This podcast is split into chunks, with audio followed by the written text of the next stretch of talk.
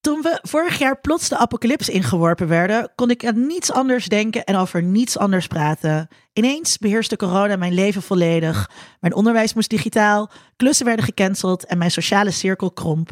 Toen Sydney op 12 maart, en ik heb dit even nagezocht, voorstelde om een aflevering te maken over Outbreak films, had ik daar mooi geen zin in. Het is allemaal niet zo gimmicky voor mij, schreef ik terug. Ik kon niet geeken over dit onderwerp. Inmiddels zitten we al zo lang in deze slechte film dat ik corona een plekje heb gegeven. Wat zeg ik? Eigenlijk zitten we al in deel 5 van de franchise, The Forever Corona. We zijn er zo aan gewend, het nieuwe is er vanaf en het angstaanjagen eigenlijk ook. Nu kan het wel, dachten we. Dus, mijn naam is Linda Duits en dit is de virus-editie van Geeky Dingen.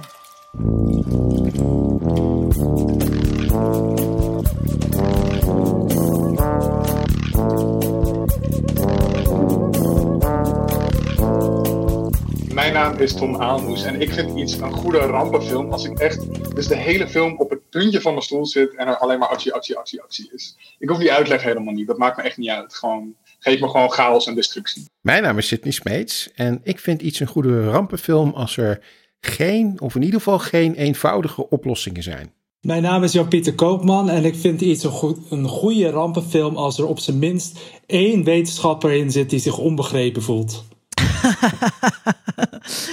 mijn, naam, mijn naam is Linda en ik vind iets een goede rampenfilm als er heel veel actie in zit. En eigenlijk kan het me niet slecht uh, genoeg zijn. Dus de, de, ramp moet bespottelijk. Hoe bespottelijker de ramp en hoe sneller de vaart, hoe fijner ik het vind. Um, ja, we hebben uh, een gast. We hebben een wetenschapper uh, als gast. Dat kon uh, natuurlijk niet missen. Jan-Pieter Koopman, superleuk dat je er bent. je bent epidemioloog. En sinds november 2019 promovendus bij het Leids Universitair Medisch Centrum. En je zit daar bij de Controlled Human Infections afdeling. Wat al klinkt als iets uit een, uit een virusrampenfilm. Waar gaat je onderzoek precies over? Mijn onderzoek gaat over voornamelijk tropische infecties en hoe we gecontroleerde infecties kunnen gebruiken om vaccins te ontwikkelen en ziektes beter te leren begrijpen.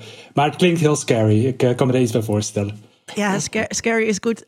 good. Scary is good. En ben je ook een beetje geeky? Ik heb mijn geeky trekjes. Vertel, vertel. Dat willen nou, wij altijd. Ja, je moet ik, met de willen bloot. Ja, ik ben een, een late bekeerling van Star Trek. Ah, uh, ah dat is een beetje in de coronatijd gekomen. En ik uh, vind dat stiekem toch wel heel erg leuk. En welke, welke serie? Ik ben begonnen met de Netflix uh, variant die nu bezig is. Met Discover, Discovery. Discovery, ja. En, en de films, de laatste drie films die uitzeggen. Nice. Okay. Dat goed. Nog heel wat af te gaan natuurlijk. Zeker, je kan nog een, je kan nog een heel leven uh, doorkieken. Um, ja, en, en je kan, kan meerdere Kiki Dingen afleveringen over Star Trek terugluisteren. Dat, uh, dat, uh, dat kan ook. Um, we hebben je uitgenodigd uh, omdat je epidemioloog bent, maar ook omdat je een vriend van mij bent en ook omdat het gewoon leuk is om je bij de podcast te hebben. maar we gaan je straks allemaal vragen stellen over realisme, oh waarvan ik oh zelf al een beetje weet welke kant dat opgaat, denk ik. Maar misschien worden we nog verrast. Voordat we aan ons thema gaan beginnen, gaan we natuurlijk eerst terugblikken op dingen die we zagen, lazen, Dat was het. Luisteren, dat kan ook nog. Je kan ook nog dingen luisteren. Tom, wil jij als eerste? Ja hoor, ik wil als eerst. Uh, ik heb de afgelopen tijd Lupin gekeken. Uh, de, een Franstalige Netflix-serie um, over een meesterdief. Uh, of een gentleman burglar. Zo wordt heel fout genoemd. Um, met in de hoofdrol Omar Sy, uh, die mensen misschien kunnen kennen van uh, Intouchable, uh, een film van een paar jaar terug. En hij draagt die hele serie op zijn schouders. Het is echt een beetje um, een heist-serie aan de hand van Ocean's Eleven en zo. Dus het is allemaal heel flashy en je weet niet precies wat zijn plan is. Maar dan aan het einde van de aflevering zie je precies wat de plot was en hoe hij het allemaal gedaan heeft. in ieder geval, zo, zo zijn de eerste paar afleveringen. Um, alleen de serie is niet half zo slim als dat soort films waar het zich op baseert. Dus het is allemaal net een beetje te farfetched, net een beetje ongeloofwaardig. Maar Omar Sy draagt dat allemaal met zijn charisma. Uh, en daardoor is de serie nog steeds echt heel erg kijkbaar. Ik ben gisteren, erg leuk. ik ben gisteren begonnen en eh, eh, ik wou hem eigenlijk in de vooruitblik doen. Dus eh, lekker. Ah, Bedankt. Tom. Eh, maar ehm, eh, ik, ik, ben het, ik ben het wel een beetje eens dat Omar is echt eh, eh, fantastisch. Ehm, maar heb je hem al helemaal afgekeken ook?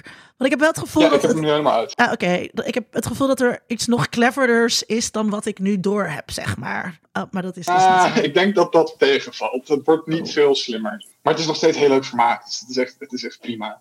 Ik heb daarnaast ook nog Promising Young Woman gekeken.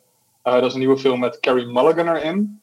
En eh, dat is een beetje een soort eh, Me Too revenge film. Eh, dus het gaat over een vrouw, Cassie, wordt gespeeld door Carrie Mulligan dus. En zij gaat s'nachts naar clubs en doet daar alsof ze totaal bezopen is, niet meer kan lopen, nauwelijks meer aanspreekbaar is. En wacht dan totdat er een hoffelijke jonge man naar haar toe komt, die zegt: hey, zal ik je anders mee naar huis nemen? Gaat alles wel goed? Komt het wel goed? En, en als ze dan onderweg naar huis zijn, vraagt dan: hey, maar zullen we anders niet eerst bij mij thuis even een drankje gaan drinken nog? Uh, nog een laatste borrel. En dan breng ik je echt naar huis.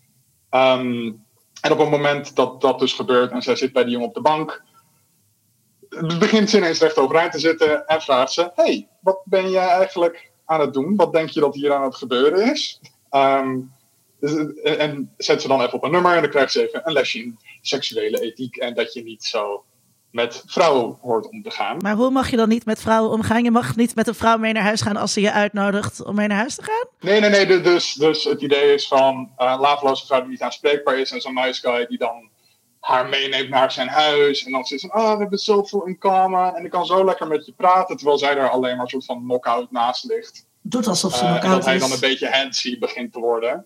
Maar Uh, ze doet dan- alsof ze knock-out ligt. Ja, Dit is toch hartstikke fout? Ligt dit aan mij? Dit kan toch niet? Ja, dit is hartstikke fout. Um, en daar kom ik zo wel op, want de, de film weet dat ook wel, maar deels is het ook een soort van een wraakfantasie dat uh, uh, dat soort vreselijke guys een keertje van plek gezet worden.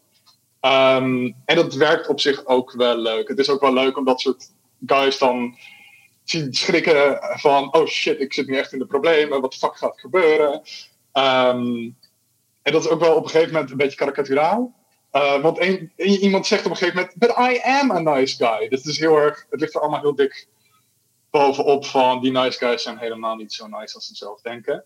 Um, en uh, dit deel van de film is nog best wel leuk en grappig en, en, goed in elkaar gezet. Uh, wat minder great is, is hoe de film kijkt naar slachtofferschap van seksueel geweld. Ze, uh, Cassie doet dit omdat een vriendin van haar op de universiteit verkracht is. Um, en die heeft daardoor uh, zelfmoord gepleegd, omdat niemand haar geloofde op het moment dat ze naar buiten kwam daarover. Um, en um, om wraak te nemen op dat soort guys, is Cassie dus uh, alleen maar dit soort dingen aan het doen. En dat is allemaal heel zelfdestructief natuurlijk. Dit is, van, dit is geen gezond persoon, zoals je al zei, Linda. Dit is niet een goed ding om te doen. Um, en de film zit in een groot gekke spagaat dat het dus en aan de ene kant zit van ja, dit is wel fucked up, maar aan de andere kant, oh, het is wel lekker dat die jongens op een nummer gezet worden. En komt daar eigenlijk nooit overheen. Dus het is gewoon een beetje jammer. Het is, het is een soort, soort gekke mix, dubbele signalen. En het is ook een soort raar idee van slachtofferschap, van dat je daar nooit overheen kan komen. Je kan nooit voorbij gaan aan, aan, het slachtoffer zijn van seksueel geweld. Zelfs al, al is het iemand in je omgeving, dat raakt je, dat schaadt je. En daarmee is het dan gedaan met je.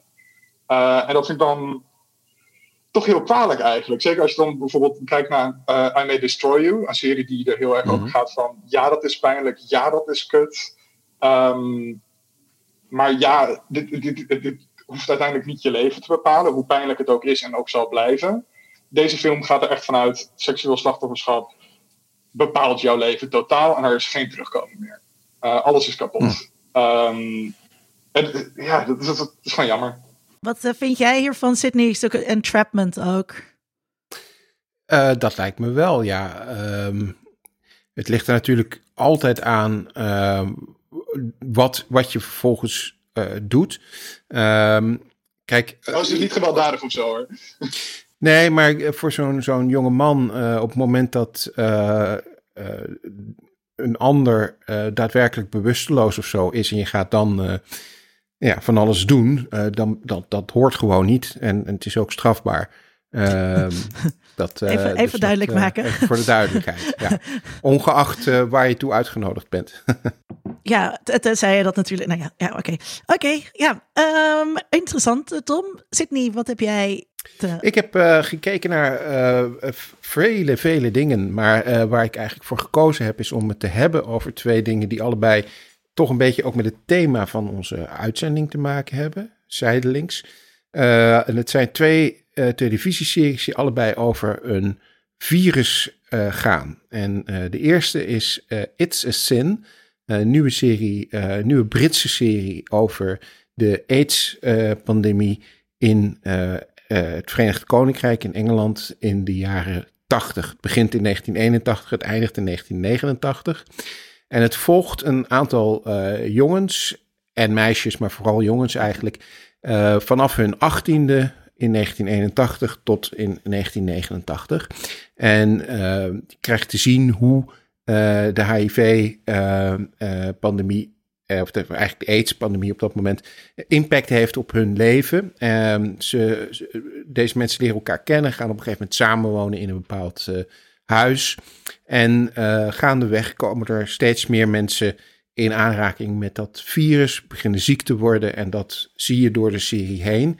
Ehm, een aantal bekende acteurs spelen erin mee. Uh, Neil Patrick Harris uh, speelt in het uh, begin een rolletje mee.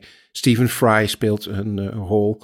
Um, Ollie Alexander, die je misschien kent van Years and Years, die speelt eigenlijk de hoofdrol.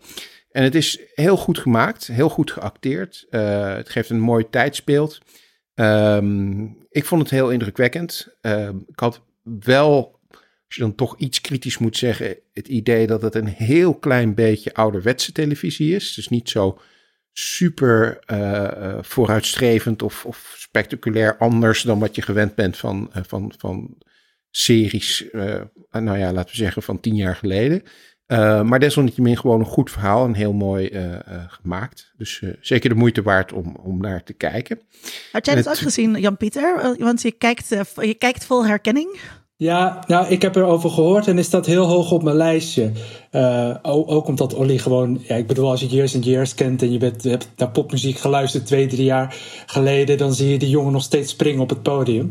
Ja. En ja, het onderwerp is natuurlijk ontzettend belangrijk. En ik vind het ook mooi dat nu ook nog aandacht is voor die periode.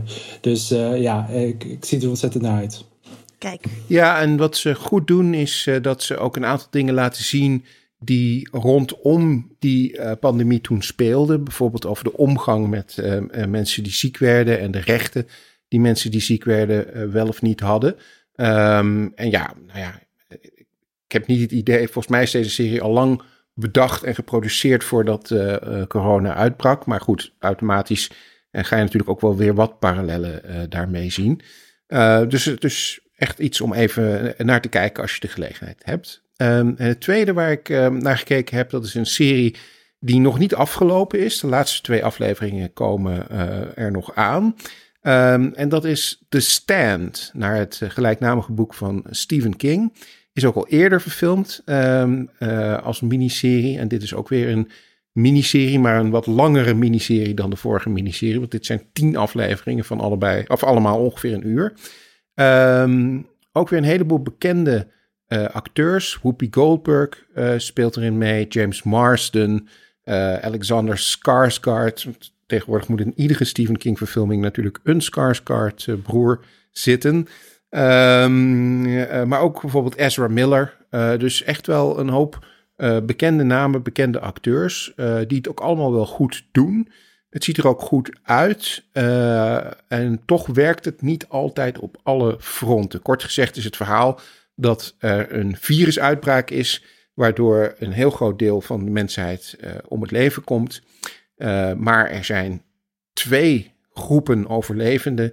Uh, de ene groep die hoort bij Mother Abigail, gespeeld door onze Whoopi.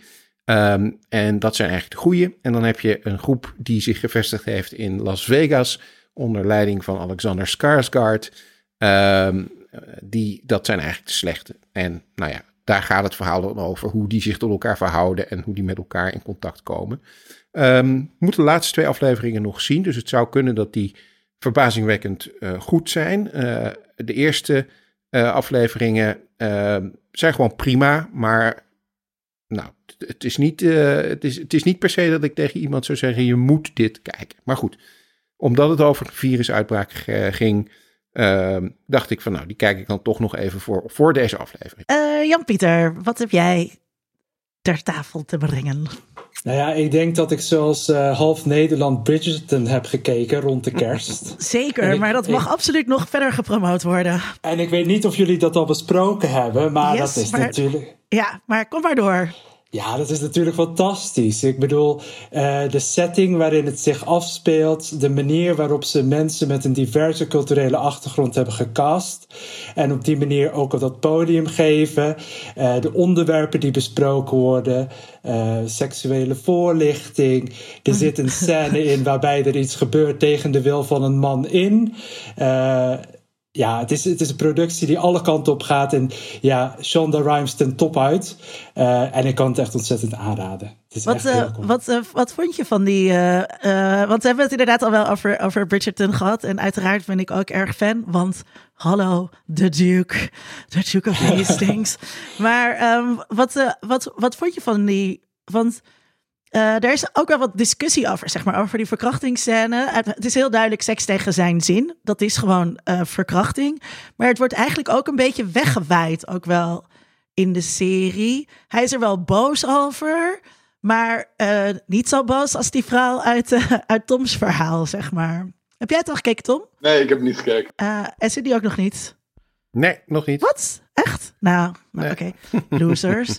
maar um, wat, wat vond jij van die... Dat, dat, hoe, vond je niet dat hij daar iets te makkelijk overheen stapte, Jan-Pieter? Ik vind het een gemiste kans. Want ja. dit gebeurt bij jongens ook. Uh, veel minder, zo, zoals we weten. Uh, maar uh, ze hadden daar veel beter op in kunnen gaan en dat ook bespreekbaar maken. Dan had het veel meer kracht gehad.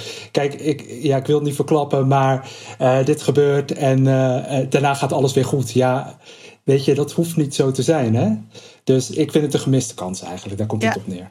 Het, het gebeurt trouwens uh, inderdaad minder uh, seksueel geweld tegen mannen, maar ook uh, er is ook heel duidelijk onderrapportage, omdat mannen het dus vaak niet zien als verkrachting. En daar had deze serie inderdaad ook nog wel een bijdrage aan kunnen leveren om, om daar verandering in te brengen. Ja. Ja, Bridgerton. Bridgerton. Ik ben daar net nog over geïnterviewd toevallig. en had je ook nog iets anders? Nee dat was hem. Um, ik heb zelf, uh, om maar met het stomste eigenlijk te beginnen, uh, ben ik begonnen aan Industry. Uh, een HBO BBC serie over een groep jonge mensen die bij een investment bank gaat werken. En ik dacht, uh, dit, dit vind ik heel uh, interessant. Het is allemaal heel uh, en dynamisch. En het is Londen en ik hou van Londen. Um, maar het viel eigenlijk op alle vlakken tegen. Ik vond het, ja, het is een beetje saai, mislukt, vond ik het. ja, die, die karakters zijn een beetje leeg. Ze zijn allemaal reuze ambitieus. En daar, en daar blijft het ook een beetje bij. Ik weet niet of het nog uh, beter wordt. Uh, maar ik heb vier afleveringen gekeken en toen um, vond ik het wel welletjes. Uh, dus als je luistert en je hm. wil graag mijn mening volgen, dan kan je die van je lijstje afhalen. Um, daarnaast heb ik gekeken naar I Hate Susie. Um, uh, ik heb dat gedownload. Ik weet niet. Volgens mij was het een HBO-serie ook. Uh, maar in ieder geval uh, Brits ook. het is een comedy met Billy Piper, die jullie misschien kennen van Doctor Who. En um, zij speelt ja, eigenlijk een B-celeb, of misschien zelfs wel een C-celebrity, van wie seksuele foto's zijn gelekt. Dus het thema van deze terugblik is toch wel, denk ik, seksueel geweld. Mm. want dit is ook een vorm van seksueel geweld. Um, en uh, dat, is, dat is natuurlijk heel vervelend voor haar. Zij is uh, getrouwd met iemand wiens penis uh, niet de penis is die op die foto's staan. Um, dus iedereen haat haar eigenlijk. Vandaar ook I Hate Susie als titel. Terwijl zij wel gewoon slachtoffer is van die hack en dat uitlekken van, van die foto's. Um, ik, het zijn hele korte afleveringen. Het is heel geinig. Ehm, het is heel duidelijk een vrouwelijk perspectief, zoals je dat weinig ziet. Dus in die zin is het een beetje te vergelijken met I May Destroy You. Uh, al vond ik dat wel uh, echt een heel stuk beter uh, nog. Um, maar dit is, um, dit is zeker wel een aanrader. En het geeft ook Billy Piper de kans om haar acteerskills echt neer te zetten. Dus om alle registers zeg maar open te trekken in, emoties die zij doormaakt in die periode na het lekken van de foto's. Um, het is echt, een, echt een tip.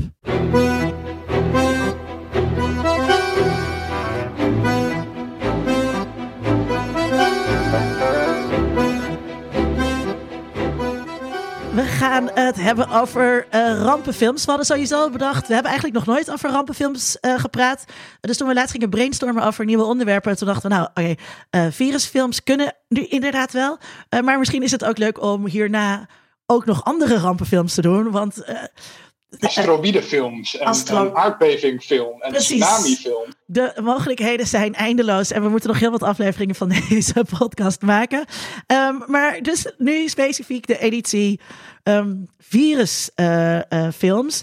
Uh, uh, um, net als bij de eenzame kersteditie uh, kozen we vijf films uit en die gaan we allemaal eerst even apart bespreken. En dan gaan we daarna kijken of we er ook nog iets algemeens uit kunnen halen. Um, maar eerst eigenlijk, ja, Jan-Pieter, hoe kijk jij naar dit soort films? Ik kijk er een beetje hetzelfde naar als als ik naar ziekenhuisfilms kijk en series. En dat is uh, met een, uh, een nodige dosis skepsis, maar ook wel genieten van het drama en hoe dingen zo fatalistisch kunnen zijn. Dus dat. Uh, dat is, ik ga altijd lekker zitten en ik, ik drink er iets lekkers bij en gaan. Je gaat je niet zitten ergeren aan, uh, aan, aan alles wat, wat uh, onjuist is of heel idioot. Of... Ik heb heel vaak uh, de reactie bij mezelf: dat had ik anders gedaan. Of ik hoop dat mensen dat anders doen. Maar dat zit het plezier niet in de weg. Goed zo. Dat is, dat is, denk, ik ook, dat is denk ik ook het belangrijkste. Altijd mm. als je films kijkt. Heb jij dat niet ook, Sidney? Als je, als je shit met advocaten dingen kijkt? Ja, nou heb ik dat uh, eigenlijk voornamelijk bij Nederlandse dingen met advocaten. Als het in het buitenland is, uh, dan is het wat makkelijker om je uh, disbelief te suspenden, zeg maar. ook al weet je dan ook wel van een heleboel dingen dat niet klopt. Uh, maar dan ken, je, maar, dan ken je het rechtsstelsel niet zo scherp. Ja, nou vaak, vaak ken ik dat dan wel en dan weet ik ook wel dat het niet klopt. Maar dan is het toch makkelijker om net te doen alsof het wel klopt. Terwijl in Nederland, ja, dat, dat weet ik gewoon exact. Dus dan, en, en daar klopt eigenlijk nooit wat van. Dus dan ben ik inderdaad veel te veel bezig met uh, ja, wat allemaal niet aan klopt. Uh, waardoor ik het, ja, daardoor kan ik dus Nederlandse crime series en dat soort dingen niet zo goed kijken. Daarom heb ik ook Mokro Mafia nog steeds niet echt gekeken. Omdat ik toch vaak ja, ik, ik moet het gaan kijken, want iedereen vindt het goed. Maar ik, ik ben daar dus wel huiverig voor, omdat ik dan toch vaak me te veel zit te ergeren aan dingen waarvan ik denk van ja, maar dit, dit klopt gewoon niet. Um, dus heel knap dat je dat dan uh, wel kan, uh, Jan-Pieter. Dat je, maar ik, ja, ik denk ook dat je, dat je, je moet het inderdaad uitzetten, want als je dat niet doet, dan, dan kan je dus nooit meer iets kijken waarin iets met science gepresenteerd wordt. Ja. Want het is, het, het is altijd een witte jas aan en een bril op. En, um, uh, of alhoewel, dat weet ik niet. En, of en een reageerbuisje meestal. Ja, of ik weet eigenlijk niet of we zoveel witte, witte jassen hebben gezien um, in, uh, in deze films. Um, we gaan, uh, we gaan chronologisch, had ik bedacht. Okay. Uh, zo stond het ook in het draaiboek, toch? Of was je dat, ja, je dat staat, niet op? Was je staat niet zeker in het draaiboek. Ja, ja. Uh, uh, ja. Um, G Andromeda Strain uit 1971. Wat eerst misschien gewoon even wat we van deze film vonden. Vinden we dit een goede film? Ja, ik, ik hou ervan. Ik heb hem zelfs op Blu-ray. Um, je hebt alles op dus, Blu-ray, dat telt niet. Nee, nou, dat is waar. Ik heb veel, veel op Blu-ray. Maar deze die had ik dus inderdaad ooit al eens een keer op Blu-ray gekocht. Uh, zeker ook omdat het van uh, Michael Crichton is. Dat is een van mijn inmiddels natuurlijk al een hele tijd overleden favoriete schrijvers. En Michael Crichton uh, was arts. Die is als arts begonnen, heeft in ziekenhuizen gewerkt. Dus heeft enig, laten we zeggen, enig idee hoe dingen dan wel zouden moeten, moeten, zitten, moeten werken. Maar was hij, was hij chirurg of viroloog? Ja. Nee, nee, hij was geen viroloog, maar hij was, hij was inderdaad chirurg. Maar dat, is, uh, maar... want dat is toch, ik vond dat dus echt heel raar in deze film. Dat ze dan dus een chirurg inhuren Ja, of in, inschakelen. Ja, nou, dat is dus de reden. omdat hij dat Michael is. Crichton zichzelf graag eh, terug eh, zag, denk ik. En dacht, chirurgen Ehm, kunnen alles. Ja, dat denk ik wel. Dat geloven de meeste chirurgen geloof ik ook wel een beetje, toch? Het is toch wel bekend dat die vaak een soort godcomplex... eh, nou, misschien zeg ik nu hele onaardige, gekke dingen, maar... Ehm, dus nee, ik hou wel van die Andromeda Strain. Het is eh, ook een film, vind ik, die het redelijk goed volhoudt na zoveel tijd. Eh, want het is inmiddels natuurlijk nog best wel een hele oude film. Ehm, maar die toch, eh, ondanks dat, eh, vind ik, redelijk overeind blijft in nou, hoe die eruit ziet en ook de spanning. Maar goed, dat vond ik. Jij, Jan-Pieter? Ja, ik ben het er wel mee eens. Ik bedoel, het is een film uit de jaren zeventig, als ik het goed heb gezien. En de, de stappen die ze doorlopen nadat er eh, eh, iets gebeurt en er een ramp is, zijn ook de stappen die je verwacht. Dat hele voorzichtige is maar eens uitzoeken hoe het wordt overgedragen. Eh, heel voorzichtig zijn met dat het verspreidt naar de omgeving. Ze gaan heel secuur te werk. En ik vind het ook heel leuk dat ze die continue discussie hebben tussen moet je nou arts zijn of moet je wetenschapper zijn?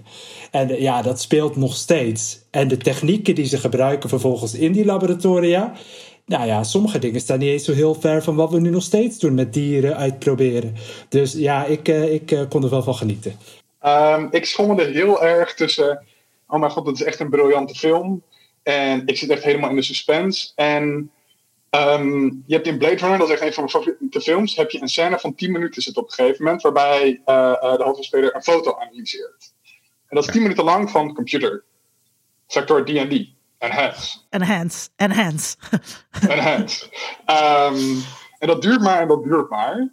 En daar moest ik op een paar punten in deze film ook wel aan denken. Dat ik echt zat van, oké jongens, we hebben het reageerbuisje of, of, of dat Petri dish dingetje. En we zitten ernaar te kijken en nog steeds. En nog steeds. Kom op. Uh, maar tegelijkertijd zijn de stukken die wel werken en waar de suspense wel voelbaar is, zijn nog steeds heel erg briljant. En het ziet er allemaal heel tof uit. Um, dus dat was, was een beetje wisselend voor mij. Ik vond het, uh, uh, het is inderdaad heel veel science en uh, die sets die zijn natuurlijk fantastisch. Ik, ik wou heel graag daar rondlopen met een super koude oorlog vibe die daar, die, die daar ook in zat. Uh, maar ik dacht wel ook, ja, science is gewoon boring, weet je wel? Hm. Ja, de, de, de, deductieve methode, het is niet dit. Zou het dat zijn? Het is ook niet dat. Wow. Dat, ja, oké, okay, dat, is, dat is gewoon, dat is ook, en dat is denk ik lastig uh, in beeld uh, te brengen. Gaan we het denk ik straks misschien ook wel over hebben als we het over Contagion hebben. Um, maar ja, dat, dat, ik had hem aangezet en toen dacht ik, oh, ik heb echt geen zin in deze traagheid. Dus dan heb ik hem voor het eind bewaard. En net heb ik er ook een beetje uh, doorheen geskipt. uh, ook wel, omdat het gewoon, en hij duurt ook, ja, het is echt, ik vond, het is echt een hele lange, een hele lange film. Um, Jan Pieter, is dit een virus wat daar, wat daar gaande is? Niet een virus zoals wij dat kennen en definiëren. Wat, want wat is het verschil tussen een virus en een viraal organisme? Ja, dat we gebruiken vaak viraal om aan te geven dat iets zich snel verspreidt. Uh, ook met viraal gaan, viral gaan en dat soort dingen. Dat kan in principe alles zijn. Dat is niet gelimiteerd tot een micro-organisme. Wanneer je het over een virus in de medisch-wetenschappelijke zin hebt, is het een levensorganisme dat eigenlijk ook niet zo leeft, maar dat een andere cel nodig heeft om zich te kunnen vermenigvuldigen. Nou ja, hier is dat een beetje onduidelijk. Want het, ja, het is een materie, maar wat is dan die materie? En uh, ja, weet je, dit is misschien nog een beetje begin van de DNA- en de RNA-fase. Kijk, nu zijn we er allemaal in geschoold. Maar kunnen zij DNA isoleren of RNA? En dat maakt dat wij iets een organisme noemen. Dus ja, dat is, dat is een beetje, het valt tussen wal en schip. Ik vond het ook heel grappig dat ze, ze waren dus inderdaad heel erg enhance, enhance, enhance. Dat ja. sowieso een soort science grap is. Um, maar misschien heb ik dit gemist. Ze waren niet echt heel erg met microscopen uh, bezig. Oh jawel, ze hadden die microscoop, uh, dat ze, nou ja, ze hadden dus een schaal met dat materiaal erin. En dan gingen ze ook heel voorzichtig eerst de buitenkant doen. Totdat iemand zei, ja, daar heb ik geen geduld voor. En toen gingen ze pas naar binnen. Nou ja, goed, logisch, dat, dat snap ik ook. Uh, Maar uh, ja, dat zat er wel in. Dat echt, wat, wat, wat is het nu? Uh, waar bestaat het uit? Welke elementen? De nodige scheikunde kwam erbij. Ja, nu doen we dat denk ik heel anders. Want we pakken materiaal, we gooien het door een sequencer... en we kijken of we DNA of RNA uithalen. Dat matchen we aan een database en dan kijken we wel waar het vandaan komt. Maar waarschijnlijk had je niks gevonden als hier, maar... Ja. Maar weet iemand hoe was dit toen heel vooruitstrevend? Was dit toen heel scientifically advanced? Weet jij dat, Sydney? Um, nou ja, want het was science fiction. En uh, als je kijkt naar die, die installatie waar ze dan in zitten en, en hoe dat allemaal uh, geregeld is, dat, ik denk dat dat misschien nog steeds science fiction is. Want ik ga er een beetje vanuit dat we niet zo'n installatie uh, ergens precies zo hebben. Daarvoor moet je, uh, eerst, epidemiologie, moet je eerst gepromoveerd zijn in de epidemiologie voordat en dan mag je, daarin ja. krijgt ja. en een rode sleutel mag. Nee, precies. in de virologie, hè? In de virologie. Oh, excuus, ja, excuus. Ja, precies, ja. Uh, dus dat was het wel. Het was ook wel een science fiction verhaal. Maar Michael Crichton, ja, ik zei al, het is een van mijn favoriete auteurs, is ook echt een science fiction schrijver. Hè? Het, is, het, het is niet science fiction in de zin van uh, al ruimteschepen en dat soort dingen, maar hij gebruikt wetenschap, of dat nou gaat om DNA bij Jurassic Park of uh, uh, artificial intelligence bij, bij Westworld, of in dit geval dan een virus. Die wetenschap die gebruikt hij om een, om een fictieverhaal omheen te vertellen, waarbij die, anders dan een Dan Brown, uh, heel dicht bij die wetenschap blijft. Het is denk ik een beetje zijn eer als, als, als arts te na om onzin te gaan opschrijven. En natuurlijk moet hij wel, ja, ik bedoel, het blijft fictie, dus hij zal wel met sommige dingen een loopje nemen. Maar het is wel heel erg science fictie die hij Ik vond deze film ook. Um, hij had misschien beter uh, Wildfire kunnen heten dan The Andromeda Strain. Omdat de hoofdrol was, was weggelegd voor die faciliteit. En niet per se voor, voor die strain. Het is ook, um, uh, dat las ik ergens, dat al die apparatuur in dat lab is ook gewoon wetenschappelijke apparatuur. Dat ze van uh, uh, zo'n maker van dat soort apparatuur geleend hebben. Dus dit, dit, dit, is niet, dit zijn geen props die een of andere propmaker in Hollywood heeft bedacht. Dit is gewoon echte wetenschappelijke apparatuur die ze daarop zet hadden staan. en dat, dat, dat, geeft ook wel een stukje van het realisme, denk ik. Maar is dat belangrijk voor jou?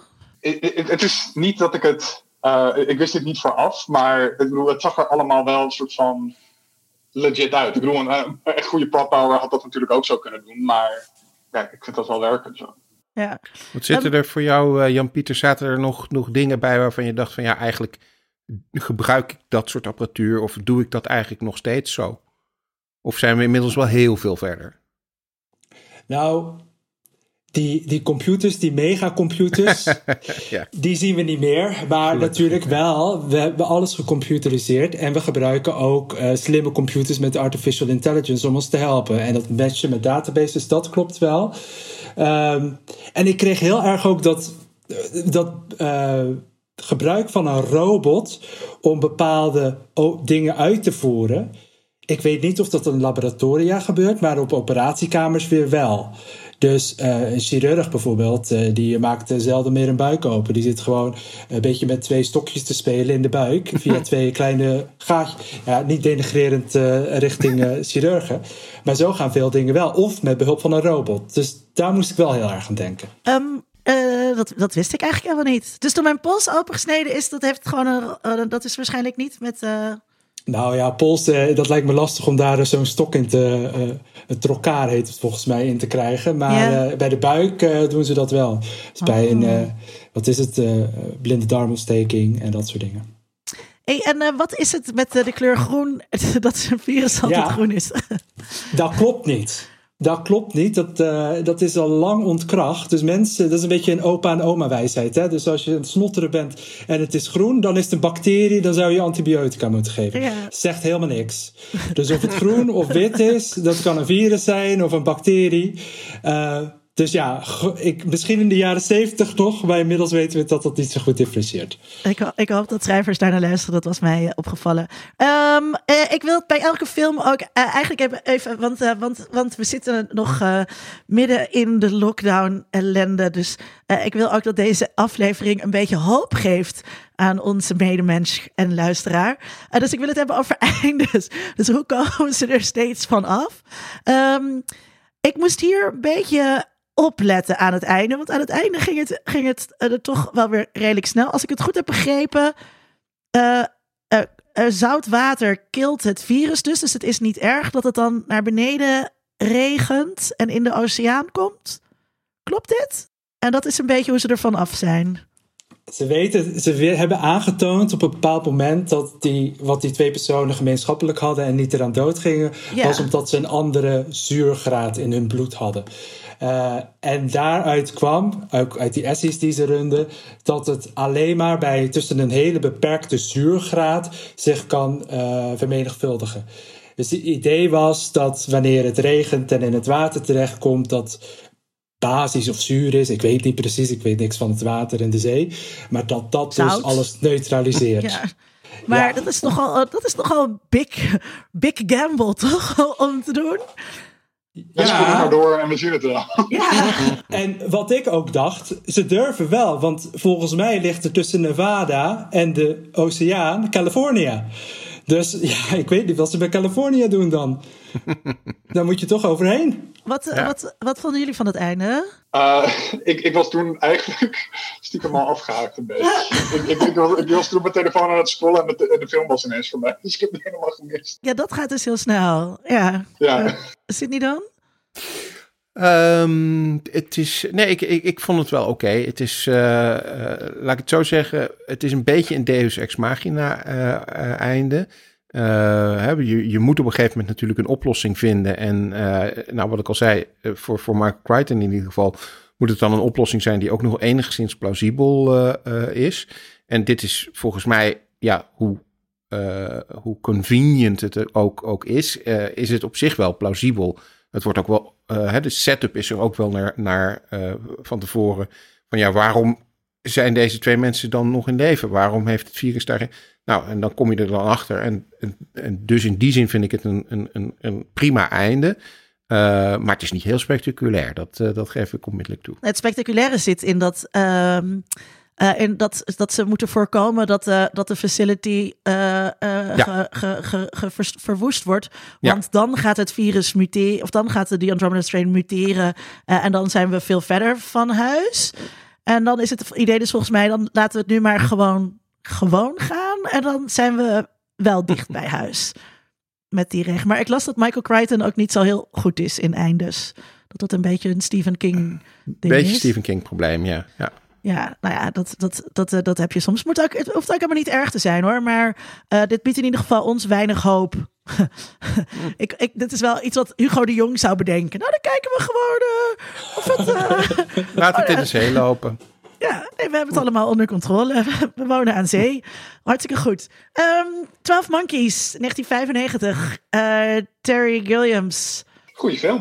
Had je wel eens gezien? Ja, ja, ja, ik heb meerdere keren ook. Uh, maar het was nu alweer een tijdje geleden, dus ik vond het wel weer een, een plezier om hem uh, uh, te kijken.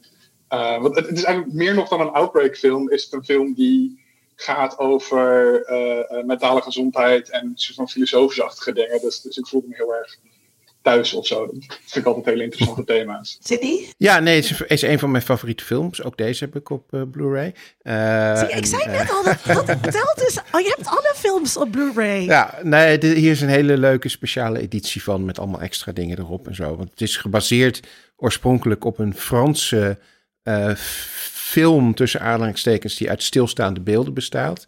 La Jetée.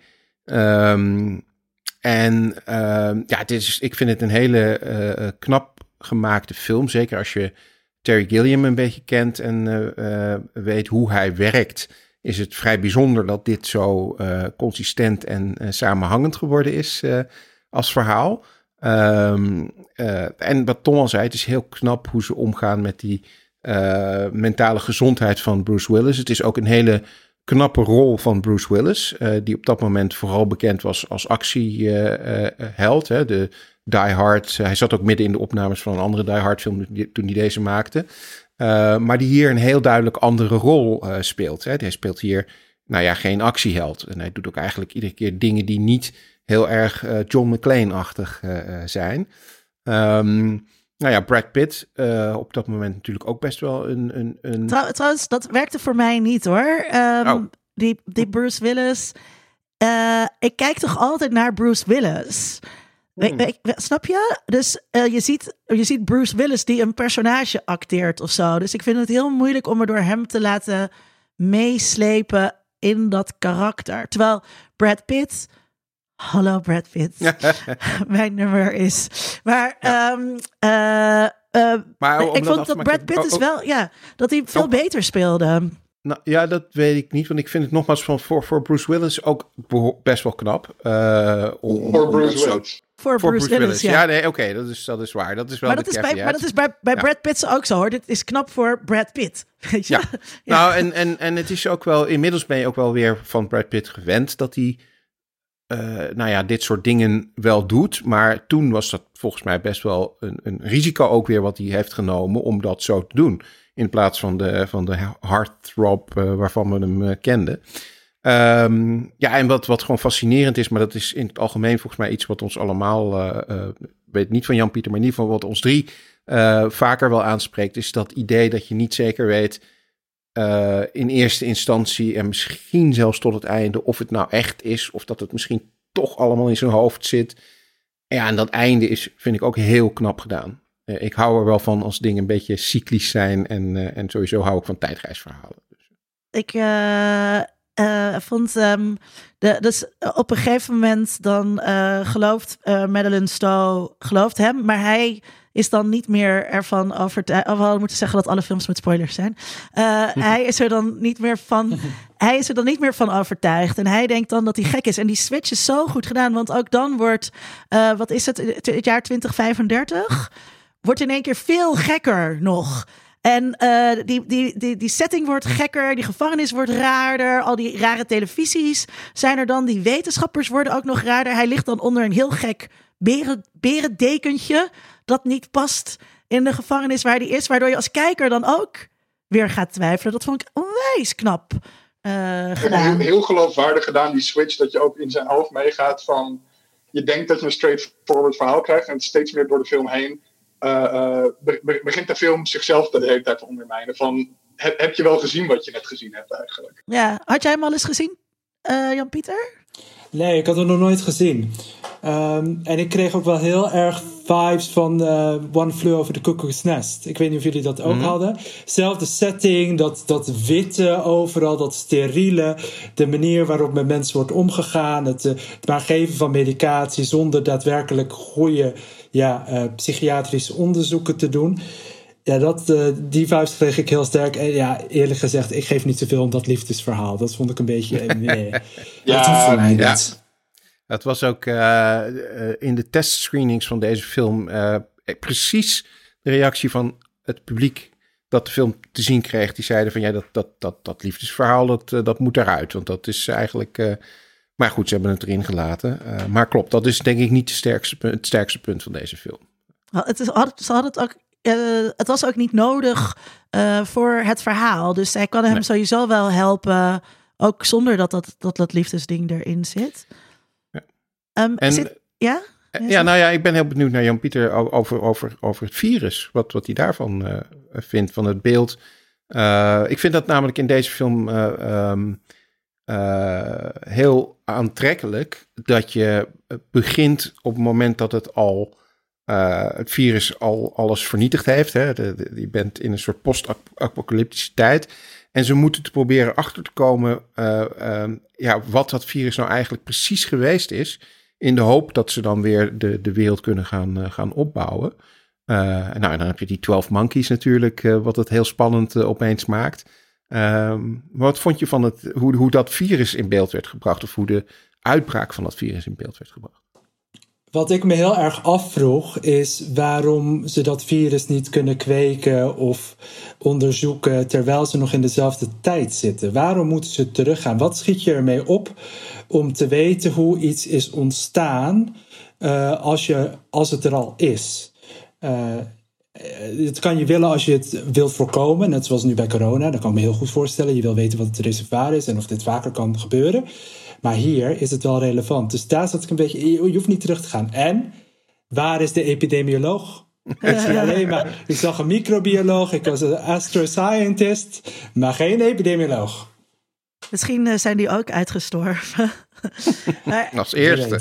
ik vond dat, dus dat, ehm, eh, eh, is het ook, is, is het een grootvader-paradox die, er, die Ja. erin zit? Ja, want Bruce Willis eh, ver, ver- veroorzaakt het.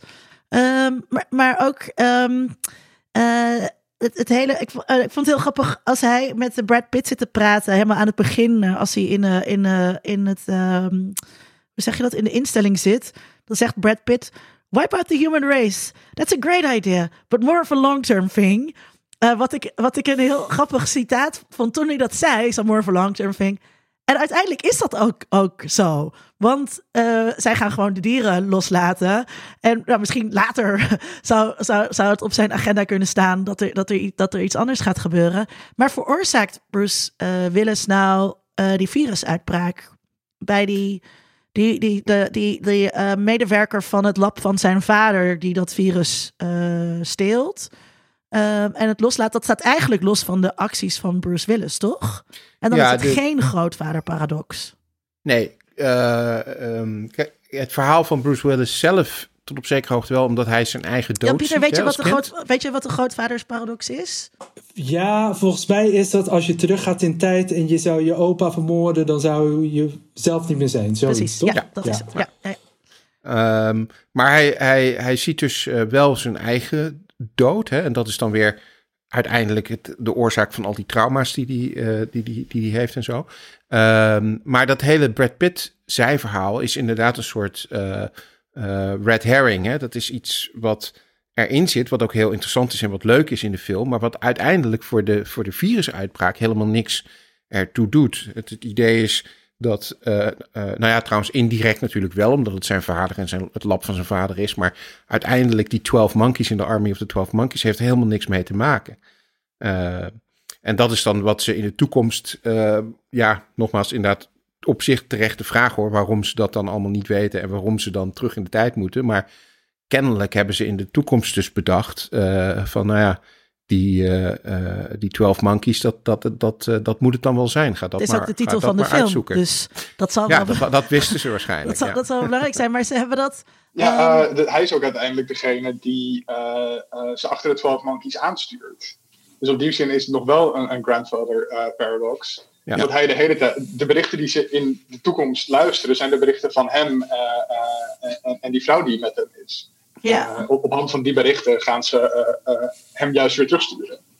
Ehm, maar ze hebben dus van, vanwege dus dat, dat die hele grootvaderparadox is het dus inderdaad ook nodig dat het dat het of is het narra, narra- in het narratief nodig dat Bruce Willis die die eh, 12 monkeys moet vinden, want zij hebben het virus in pure vorm. Want iets anders dat zou dat tijdreizen niet legitimeren. Dus als Maar is dat, eh, is dat iets, hè, want zij inderdaad het virus in pure vorm, dus de oorspronkelijke bron van het virus. Is dat iets wat je nodig hebt om, om, om uiteindelijk het virus te kunnen bestrijden? Dus moet je zeg maar de, de Wuhan eh, eh, vleermuis en het eh, Wuhan eh, gordeldier eh, hebben om, om uiteindelijk tot de, de oplossing van eh, corona te komen? Nee, ik denk het niet. Ik bedoel, dat weten we van. Eh, weet je, heel veel infectieziektes hebben, krijgen we de wereld niet uit. Hè? Als ze er eenmaal zijn, kunnen we ze controleren. Maar er komen continu nieuwe uitbraken. Ehm, maar weet je, het, eh, we hoeven niet te weten waar de ebola, die eh, in West-Afrika zoveel problemen heeft veroorzaakt, van welke aap die kwam deze keer. Dat, dat, dat, dat hoeven we niet te weten. We hebben een vaccin, het werkt. Dat is ook een beetje het, eh, het eh, principe wat je in populaire cultuur hebt. Dat eh, kill the queen en dan heb je ze allemaal verslagen, zeg maar. En dat is hierbij denk ik ook, als je maar teruggaat naar patient zero, dan, dan, dan, dan, dan ligt daar de oplossing in. En dat is, en dat is natuurlijk, voor een film is dat, is dat interessant. Maar ik kan me voorstellen ja, dat, je, daar- dat je daar verder weinig aan hebt. Eh, het, het, is, het is dat virus wat dus rondgaat, dat ehm, eh, raakt. Het is volgens mij airborne, toch? En, Zeker, ehm, ja. Maar het, Ja, raakt is- alleen, het raakt alleen mensen. Alleen mensen moeten daardoor. Want alle andere Ja. zoogdieren, die hebben er geen last van. Is dat, is dat ook iets wat eh, maakbaar is? Jan-Pieter? Ehm, ik verwacht op zijn minst dat de apen er ook aangaan. Die staan wel heel dicht bij ons. En volgens mij kwam het ook van apen. Althans, ze waren natuurlijk in een, een primate uh, research lab bezig. Ja, andere dieren. Voor een hoop infecties weten we dat. Dat is gewoon spillover. Dat, eh, dat zit in dieren, daar muteert het en dan pakt het ons en dan komt het naar ons. Dus ja, dan gaan ook dan dieren aan. Maar of alle dieren doodgaan, dat hoeft niet per se. Het is vaak per type. Loop ik misschien al een beetje vooruit? Moeten we maar een aantekening maken voor het, voor het algemeen beschouwende? Vaak in deze films wordt de aanwezigheid van andere levende dieren gezien als een teken uh, van veiligheid. Of, uh... Ja. Hmm.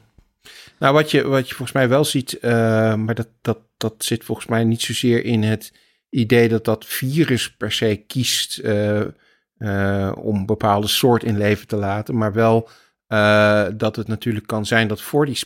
Maar ik, ik, ga nu dingen zeggen die Jan-Pieter echt honderd keer beter kan uitleggen.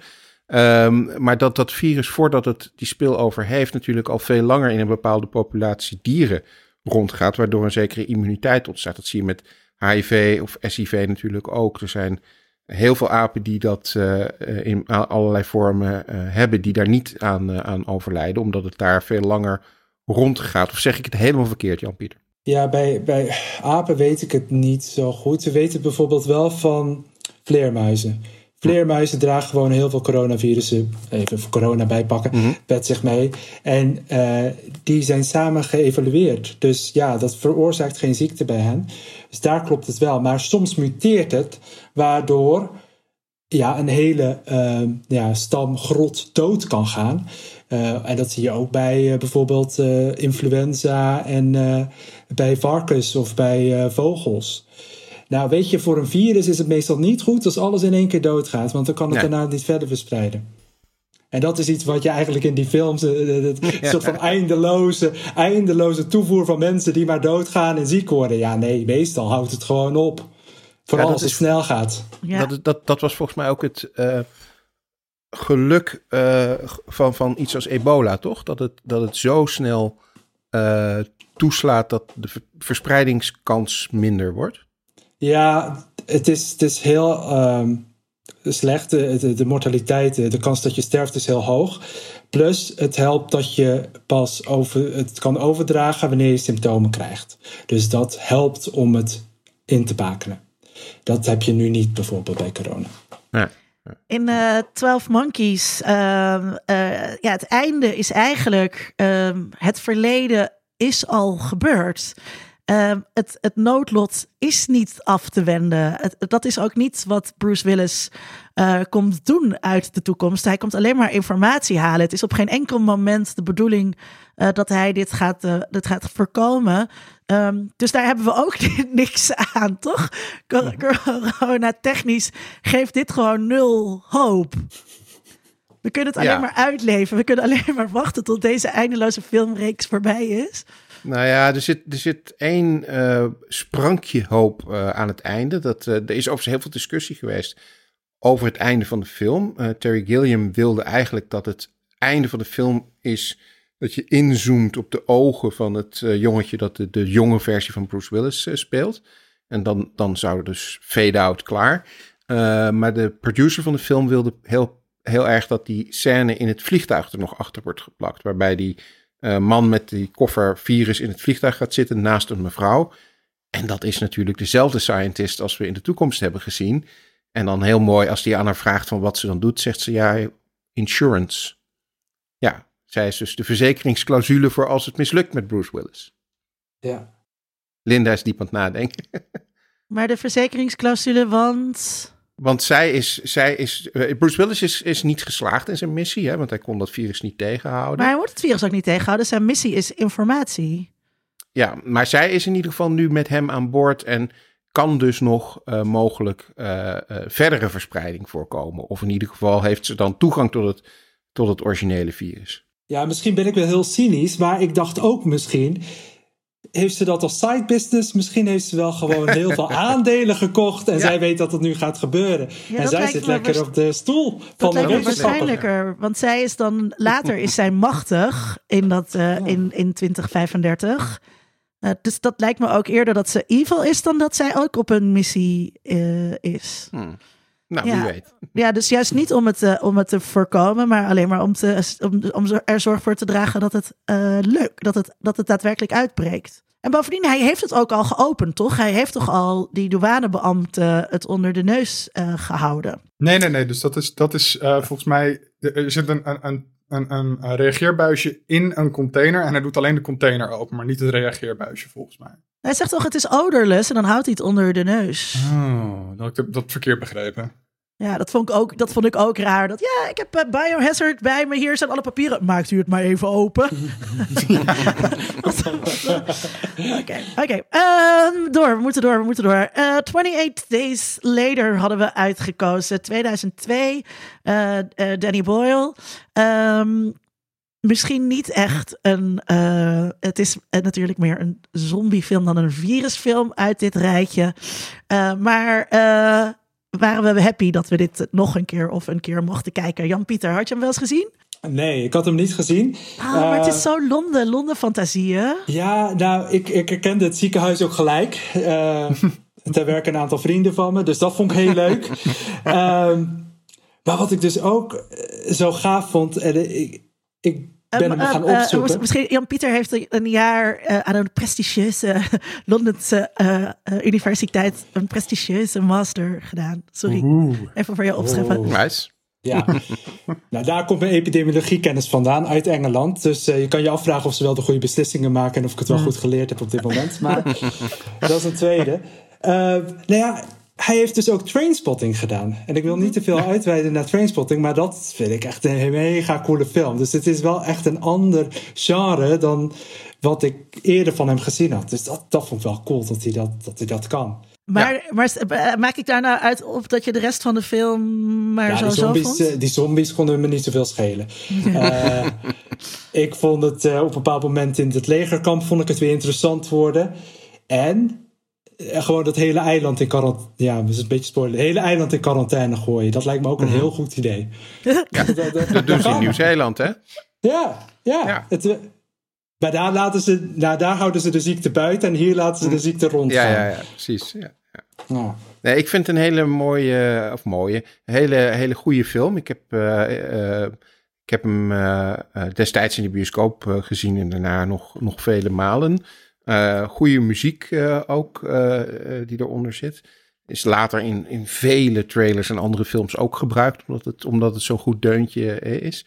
Ehm, en dat hele idee hè, dat hij in een ziekenhuis wakker wordt nadat het dus allemaal al gebeurd is. En dat hij dus niet direct weet wat er gebeurd is en op zoek moet gaan naar wat er dan gebeurd is. En dan door Londen loopt en allemaal dingen ziet waar je kunt afleiden van nou, er is dus iets heel ergs gebeurd en het is ongeveer dit geweest. Eh, dat vind ik een heel slimme, slimme truc. eh, om, om, om, om het verhaal eh, te vertellen en om op gang te brengen. Dus ja, ik, ze hebben dat overigens heel slim ook gefilmd. Hè, want het is heel moeilijk om Londen zulke lege straten te krijgen. Dus dat is op hele vroege uurtjes in de zomer gefilmd. Als er dan weinig mensen op, op Dit straat was waren. toen zo spectaculair. Ik weet Ja. nog toen die film uitkwam. En dat dus die, die eh, scène, vooral eh, eh, op Westminster Bridge.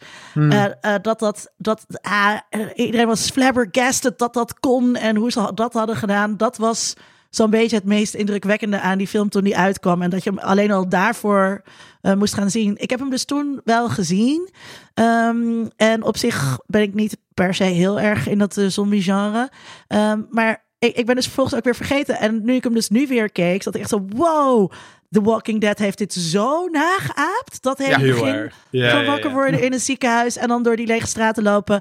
Dat, dat is echt escandalo hoe dat is, eh, Dat is, is nageaapt. Ja, Eh, eh, Kirkman, eh, die, die, die kwam met The Walking Dead zijn eerste, eh, Robert Kirkman, eerste aflevering, of hoe noem je dat? Eerste uitgave van The Walking Dead was een jaar na deze film. Dus, dus ja, het, het is Oh. moeilijk, eh, moeilijk te ontkennen dat dat eh, van invloed is geweest. Ja. ja. En eh, wat, eh, wat, eh, wat, wat had ik jou al gehad, Tom? Wat vond jij van deze film? Oh, eh, nee, ik had hem nog nooit gezien, maar ik ken natuurlijk wel gewoon die, die beelden van Londen eh, van het begin van de film. Ja, dat, dat zit zo in popcultuur, dus dat, dat had ik al een keertje meegekregen.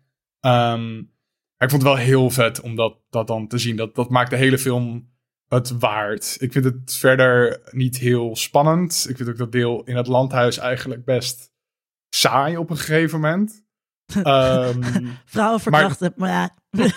ja, nee, niet, niet dat, maar gewoon dat, dat, dat, dat hij dan, dan weer de actieheld wordt die, die de vrouw moet gaan redden. Terwijl die vrouw de hele film lang zijn ass moet redden. Maar nu is hij ineens soort van een superheld die super stealthy een heel peloton soldaten uit kan schakelen. Ja, sorry. Uh, dat vond ik gewoon een beetje flauw. Um, maar gewoon dat begin van die film is zo briljant gedaan. Gewoon een soort van de, de wanhoop die je moet voelen als je dus inderdaad de enige persoon in Londen bent. Uh, en hoe mooi dat in beeld is gebracht, maakt, maakt, maar, maakt dat, dat het einde waard voor me. Ik vond het dus toen super indrukwekkend. Maar nu, nu ik zelf een leeg Leidseplein, een lege nou Dam, ja. een lege Wallen heb gezien, vond ik dat dus niet meer zo indrukwekkend. Dus dit was Oké, ja, boeien. Zo zien onze steden er nu uit. Ik bedoel, hoeveel foto's hebben we niet gezien van uh, uh, uh, een leeg Sint-Pietersplein en een leeg Venetië? Ja, dit, dit, je kunt nu naar Londen gaan volgens mij en dan zo'n vrijwel lege brug. Die, dat ik zou is nu niet naar Londen gaan, maar oké. Nee, dat zou ik ook niet doen. Nee.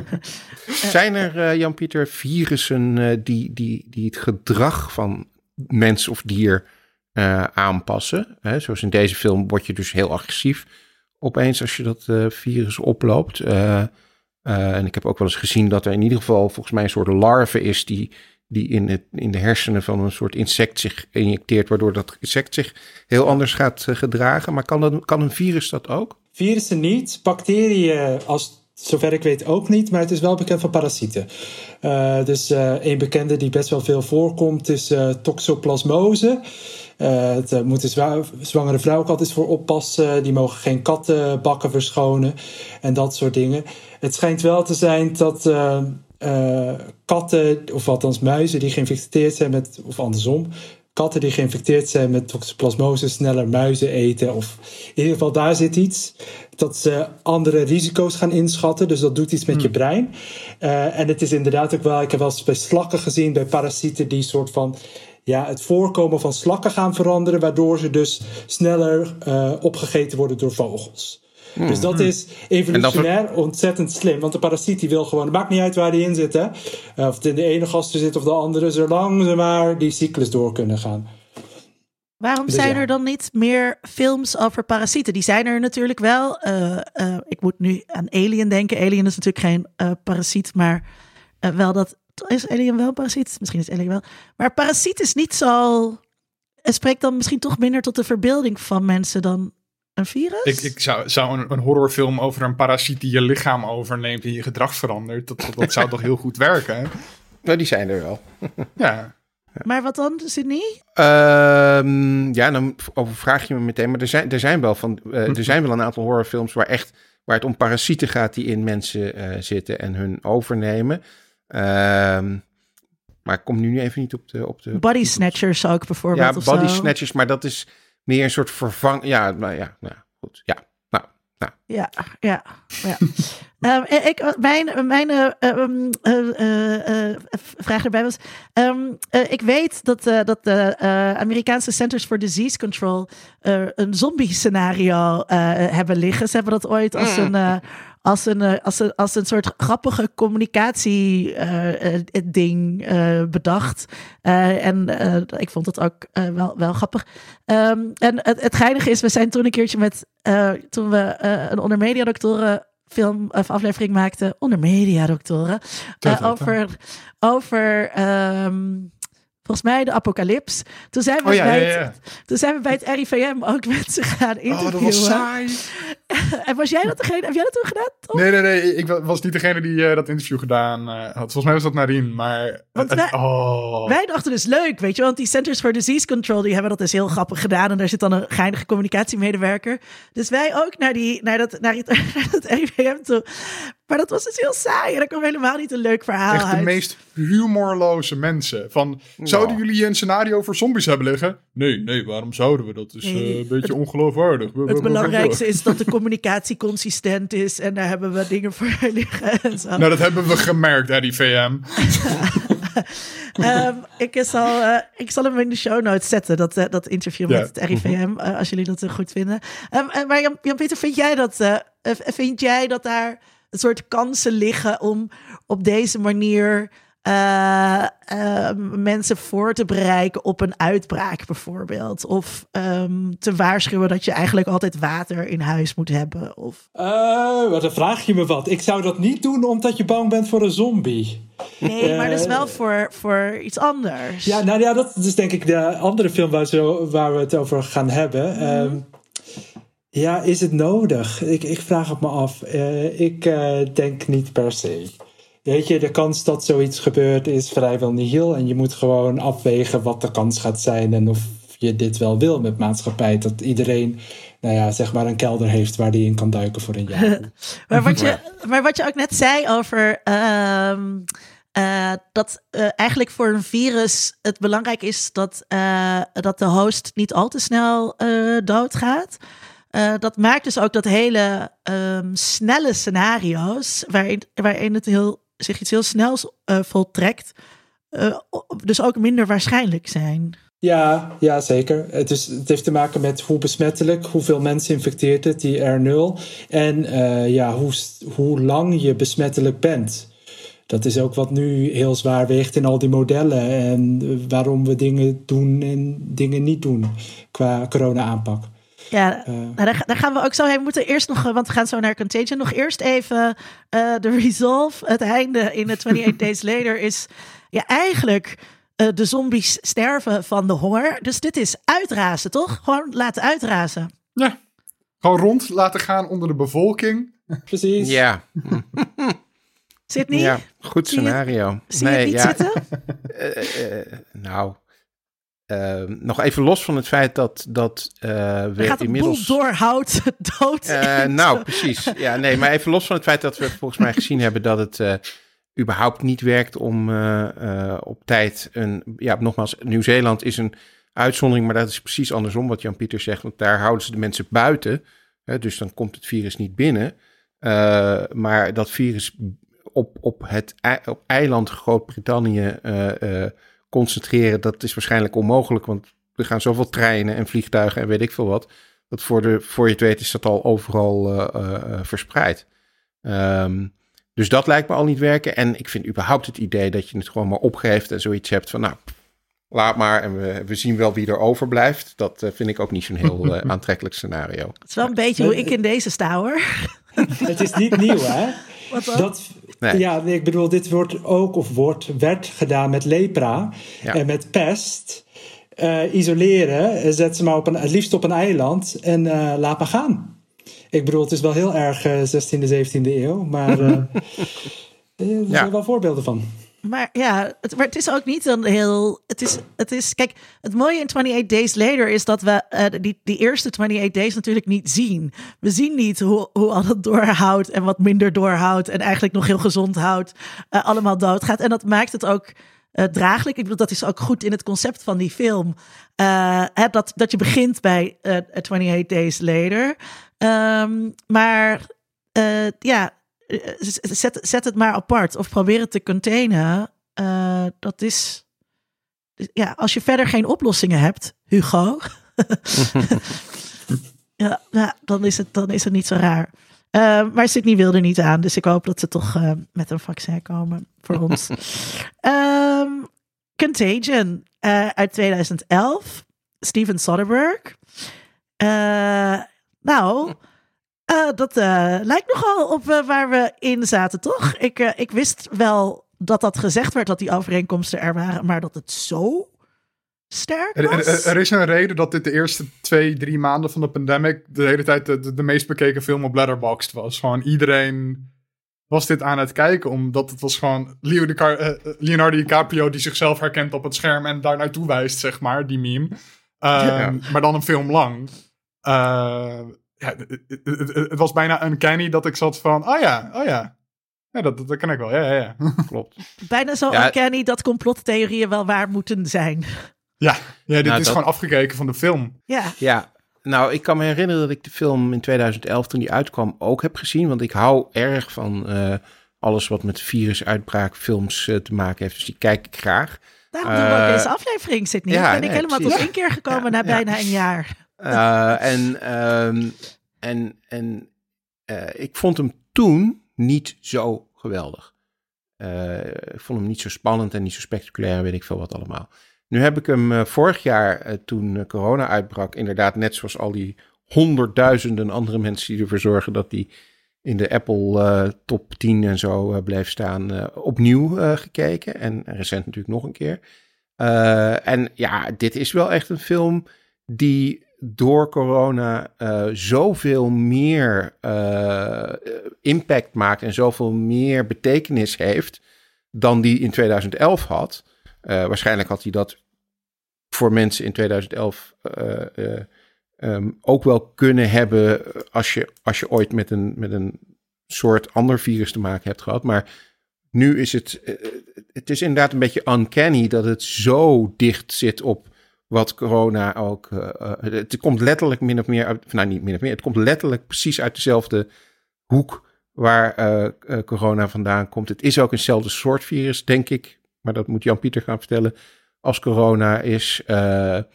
nou, die R0 of die R0, waar we dus kennelijk in 2011 al een keer van gehoord hadden, maar wat ik helemaal Kate Winslet legde het gewoon even hartstikke goed uit Precies, wat die R0 ja, ja, was. Ja, maar, hoe, ik ben dus heel benieuwd wat, wat Jan-Pieter hiervan vindt. Want, ik, in, mijn beleving, denk ik, in die van Linda en Tom, is dit waarschijnlijk de meest realistische virusfilm ooit gemaakt. Maar is dat ook echt zo? Ja, denk ik wel. Het is een uh, epidemiologisch onderzoek bij de boek. Wat ze doen. Er is een uitbraak en er zijn een paar momenten die echt heel goed zijn. Bijvoorbeeld dat ze uitleggen, nou, er zijn continu uitbraken, maar we weten nooit welke we serieus moeten nemen. Dus er is dan een alert, er is een cluster. Ze hebben het heel veel over clusters. Ze gaan naar verbanden zoeken. Dus echt een veldepidemioloog naar een plek sturen die met iedereen praat en kijkt wat er gebeurt en wie met wie contact heeft gehad. Ja, dat is fantastisch. Dat is gewoon zoals het gaat. Kijk, met corona is het op een bepaald moment zo vlug gegaan dat je daar niet eens meer aan toe kwam. Maar dit is de eerste stap. En uh, wat ze heel mooi doen, is dat ze laten zien hoe log het kan zijn wanneer je al die verschillende instanties hebt. Dus je hebt het CDC, je hebt de WHO, ze doen allebei een beetje hun eigen ding. Uh, dus ja, dit is uh, qua, qua hoe, hoe je te werk zou gaan wel min of meer wat ik zou verwachten. Ik vond dat dus, ze zijn inderdaad heel lang bezig met achterhalen wat het is. En um, ik, heb, ik heb de film toen niet gekeken, dus ik zag hem nu alleen maar voor het eerst. En nu zat ik echt zo, nu zat ik daar heel erg in mee te leven. Van goh, ja, wat zou het zijn? En oh, die R0. En er, er zit al die herkenning in. Maar ik kan me inderdaad voorstellen dat als je hem daarvoor hebt gekeken, ja, dat het dan weer, oké, science, boring, detectieve methode. Weet je, gewoon, mhm. gewoon niet, zo, niet zo spannend. Als zo'n film ook uh, te realistisch is, dan gaat er natuurlijk ook heel veel uh, uh, sensatie, leuke, spannende vaart gaat eraf. Want ja, wetenschap is dus gewoon saai. En waarom is het zo... Waar, ja, wat iemand? Nou, wat ik wou zeggen is dat, dat dat dat was in ieder geval mijn ervaring wel. Toen in 2011, ik, niet dat ik het slechte film vond, maar ik vond het niet een hele, hele spectaculaire film. En volgens mij, eh, als je naar de reviews uit die tijd eh, terugkijkt, dan was dat ook een beetje de algemene opvatting van, nou prima, maar niks, niks bijzonders. Nu is dat nu denk ik wel anders. Um, maar en wat ik, wat ik ook knap vind, um, uh, is de manier waarop ze uiteindelijk dan aan het einde van de film uh, laten zien hoe, hoe deze outbreak ontstaan uh, is. ook weer nogmaals Gwyneth omdat Paltrow. het... Ja, nou ja, dat vond ik, vond ik een slimme zet ook om haar moreel een beetje dis discutabel te maken. Hè? met haar vreemdgang en dat soort, soort dingen. Uh, hè, dus niet alleen maar een soort. De vuile hoer. Die, nee, die, die, nou die verantwoordde maar... de Eva die de zondeval bracht. Ja. Nee, en inderdaad, dat je dus die wet, letterlijk wet market in, in, in China. Nou ja, dit, nogmaals. Ik, Hongkong. Ik, zou bijna. Ja, dit was in Hongkong. Klopt. Uh, niet, niet mainland China, maar.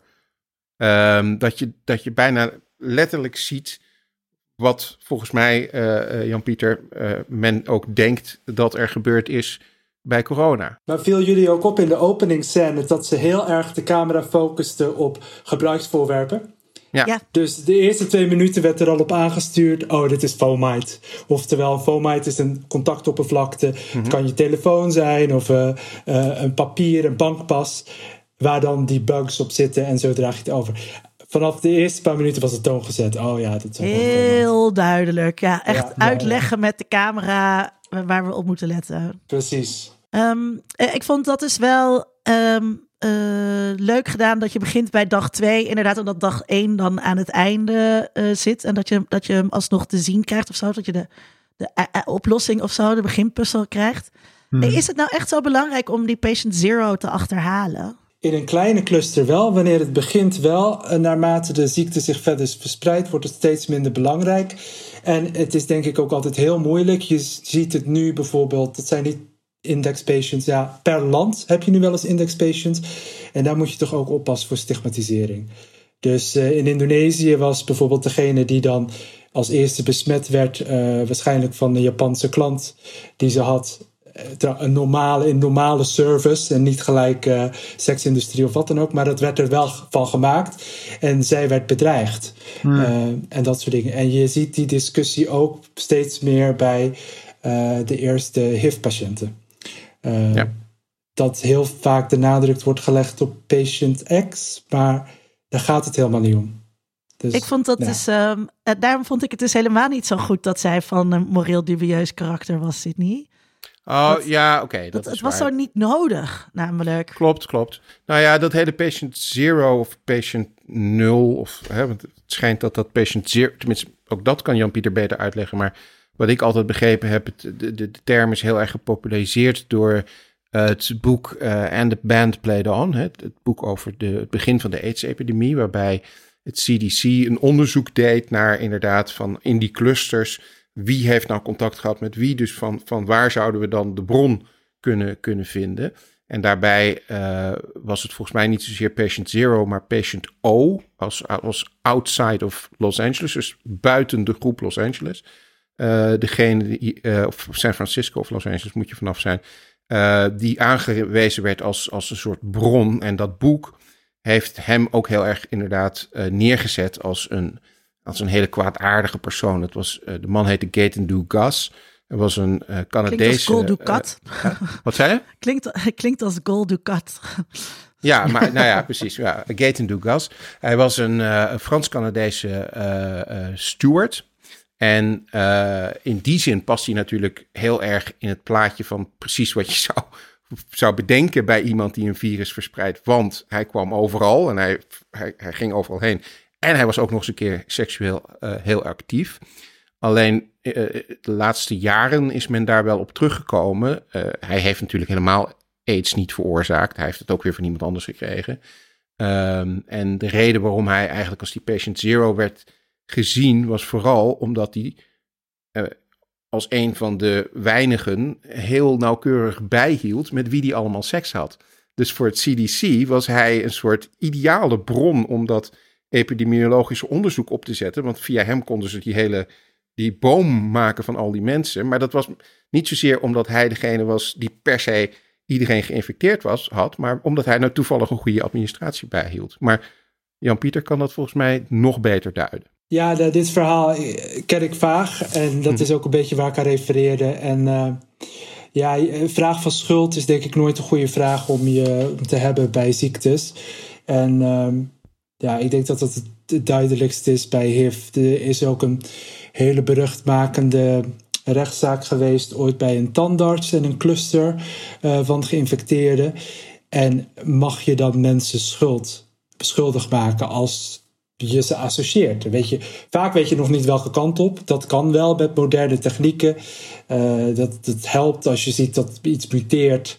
Dan kan je een soort van terugrekenen waar het dan eerst vandaan kwam. Maar het is heel gevaarlijk om mensen daarop ja, ja, schuldig te maken. Ik denk niet Zeker. dat dat de juiste manier is. Ja, Ehm, nou, als we dan toch aan het uh, pluggen zijn in mijn nieuwe boek, Het Porselein Huwelijk, uh, is een heel hoofdstuk over HIV-AIDS, waarin, uh, waarin ik met name natuurlijk, want ik ben niet voor niets strafrechtadvocaat, inga ook op de gedachte die er bij sommige politici is geweest om het uh, opzettelijk infecteren van mensen met HIV, uh, om dat strafbaar te stellen. Dus het idee van jij weet dat je een HIV-infectie hebt, maar je gaat met iemand naar bed, dus ben jij schuldig aan een poging doodslag. Nou, dat hebben we gelukkig nooit Oh. gedaan in Nederland. Uh, maar goed, er zijn wel wat politici geweest die daar wel uh, voorstander van waren. Maar goed, daar ga ik in het boek wat verder op in. Maar je ziet toch nu ook wel um, dat er corona-shaming is. Uh, ik weet van een vriend die, die corona had en de mensen in zijn gebouw waren boos dat zij niet geïnformeerd waren. Dus, daar, dus daar, ook daar zag je stigma komen. Terwijl ik het heel interessant vind dat dat er met de griep eigenlijk helemaal niet is. Je hebt helemaal niet iets. Ik heb, ik heb griep van jou gekregen of zo. Maar bij corona is het toch ook een beetje wijzen naar elkaar. Um, ja, ik vind dat, ik vind dat toch wel, wel interessant. Um, bij welke ziektes ja, we worden natuurlijk ook door de overheid we worden natuurlijk ook door de overheid de hele tijd aangesproken op onze eigen verantwoordelijkheid bij het verspreiden van het virus. En dat wij stappen moeten nemen om dat uh, uh, tegen te gaan. En dit, dit, dit, is wel een beetje in die, die, diezelfde gedachtegang natuurlijk. Van jij bent ziek, want jij hebt niet de juiste stappen ondernomen om, om te voorkomen dat je ziek zou worden. Nou ja, en, en dat hele discours van eigen verantwoordelijkheid rond ziekte is heel erg kwalijk. Omdat je dus dan inderdaad van dat soort, soort, soort vingerwijzen gaat krijgen. Maar dat is dus ook wat er op Twitter de hele tijd gebeurt. Met op het moment dat, uh, uh, dat ik zeg: uh, ik heb het zwaar met de avondklok en ik ga bij vrienden logeren. Dan ben ik toch de asociale, weet je, het asociale persoon die zich niet aan de regels houdt en die bijdraagt aan de verspreiding van corona. Dus de hele tijd worden mensen wordt, wordt ook gedacht dat het beschamen van mensen een goede manier is om gedrag te corrigeren. Wat we hmm. natuurlijk ook weten dat uh, vanuit gezondheidscommunicatie dat dat, niet, dat dat niet zo is. Je moet juist positief gedrag belonen. Nou ja, er is geen twitteraar die dat doet. Nee, daar is Twitter niet voor gemaakt, Linda. Dat weet je zelf ook. We doen daar niet aan positiviteit. Uh, waren er, uh, Jan-Pieter, in deze film ook dingen waarvan jij, waarvan jij zei van... ja, maar oké, maar dit, dit, dit, dit slaat nergens op. Dit is echt... dit hebben ze nu voor de film zo gedaan, maar dat, dat past helemaal niet. Um, ja, één ding, en dat is een beetje, dat is ook mijn veld waar ik in werk. Die vrouw, die deed gewoon een gecontroleerde infectie op haarzelf. Uh, ze spoot zich in met een vaccin, wat ze eigenlijk niet zou mogen doen, toch? Dat zouden hmm. onafhankelijke studiedeelnemers moeten doen. En gaat dan vervolgens naar haar zieke vader om te kijken of ze het krijgt. Ja, dat is wat wij in hele gecontroleerde studies doen, waarvoor we goedkeuring krijgen bij de ethische commissie. Uh, maar hier kan dat zo en dan is het bewijs geleverd en is één. Uh, en het vaccin werkt. Dus dat vond ik heel vreemd. Ik, maar ik vond het sowieso um, dat uh, wetenschap is geen actor in deze film. Dus je hebt wel uh, het CDC uh, en je hebt de WHO, maar we wetenschap als zeg maar wereldwijd samenwerkend instituut. Wat je, nu, wat je nu natuurlijk heel duidelijk ziet met corona is dat iedereen is er bovenop gedoken. Hè? Alle virologen afdelingen hebben alles uit handen laten vallen en zijn hiermee aan de slag gegaan. En um, die samenwerkende effort, die, die zorgt ervoor dat er vaccins op de markt komen of dat er dat andere dingen gedaan worden. En niet een paar individuen of niet alleen maar mensen bij het RIVM. Juist het idee van wetenschap als samenwerking, als open science ook, dat, zit, dat bestaat helemaal niet in die film. Maar ik vraag me wel eens af of dat samenwerken nu ook wel, wel goed gebeurt hoor. Het is toch ook nog wel een soort van rat race met research labs die als eerste een nature paper willen. Uiteraard. En dat komt hier ook wel naar voren. Hè? Ik geloof dat ze dan uh, uh, materiaal opsturen naar een lab in, in de West San Francisco, dacht ik. En uh, die doet het hartstikke goed en weet het te groeien. Uh, en dan maakt ze een opmerking: oh ja, dan gaat hij straks met de publicatie vandoor. Hmm. Ja, ik bedoel, uh, dit gezeik is er al 20, 30 jaar, misschien zo lang wetenschap bestaat. Ja, ja zeker, dat, is zeker ook een, een belangrijke factor geweest bij HIV of HLTV 4 of 3, HLTV 3 geloof ik. Uh, en de discussie over wie dat nou ontdekt had, of dat nou de Fransen of de Amerikanen waren. En dat dat allemaal dus ook vertraging oplevert in het moment waarop je dan daadwerkelijk aan de slag kunt met wat je ontdekt uh, maar, dat, maar dat nationalisme zat er nu ook wel in. Uh, het is zo grappig. Sowieso uh, nu, met de, met de kennis van nu en dat Trump toen aan de macht was natuurlijk, dat Amerika de lead neemt. sowieso in, dit, in dit bestrijden. Maar dan op een gegeven moment zeggen ze ook, de WHO is sending an epidem epidemiologist, ik kan het niet in het Engels uitspreken, epidemiologist to Hong Kong. Want wat? In Hongkong hebben ze die niet of zo. Daar moeten we, dat is een soort achterlijke plek. Daar moeten we wachten totdat er iemand naar En alsof China dat toe zou staan. Ja, dat, eh, daar zat ik me ook een beetje aan te storen. Ik vond nog Eh, wel, eh, ja? nog, nog één ding hier over deze film, wat ik heel goed vond, was Jude Law's karakter. Ja, ja, De, de, ja. de, Ja, de, de ook samensweringstheorist. Uncanny ook, hoe dat Ja, gewoon echt echt. letterlijk gewoon bestaat nu. Dat. En hoe, hoe ze dat ook...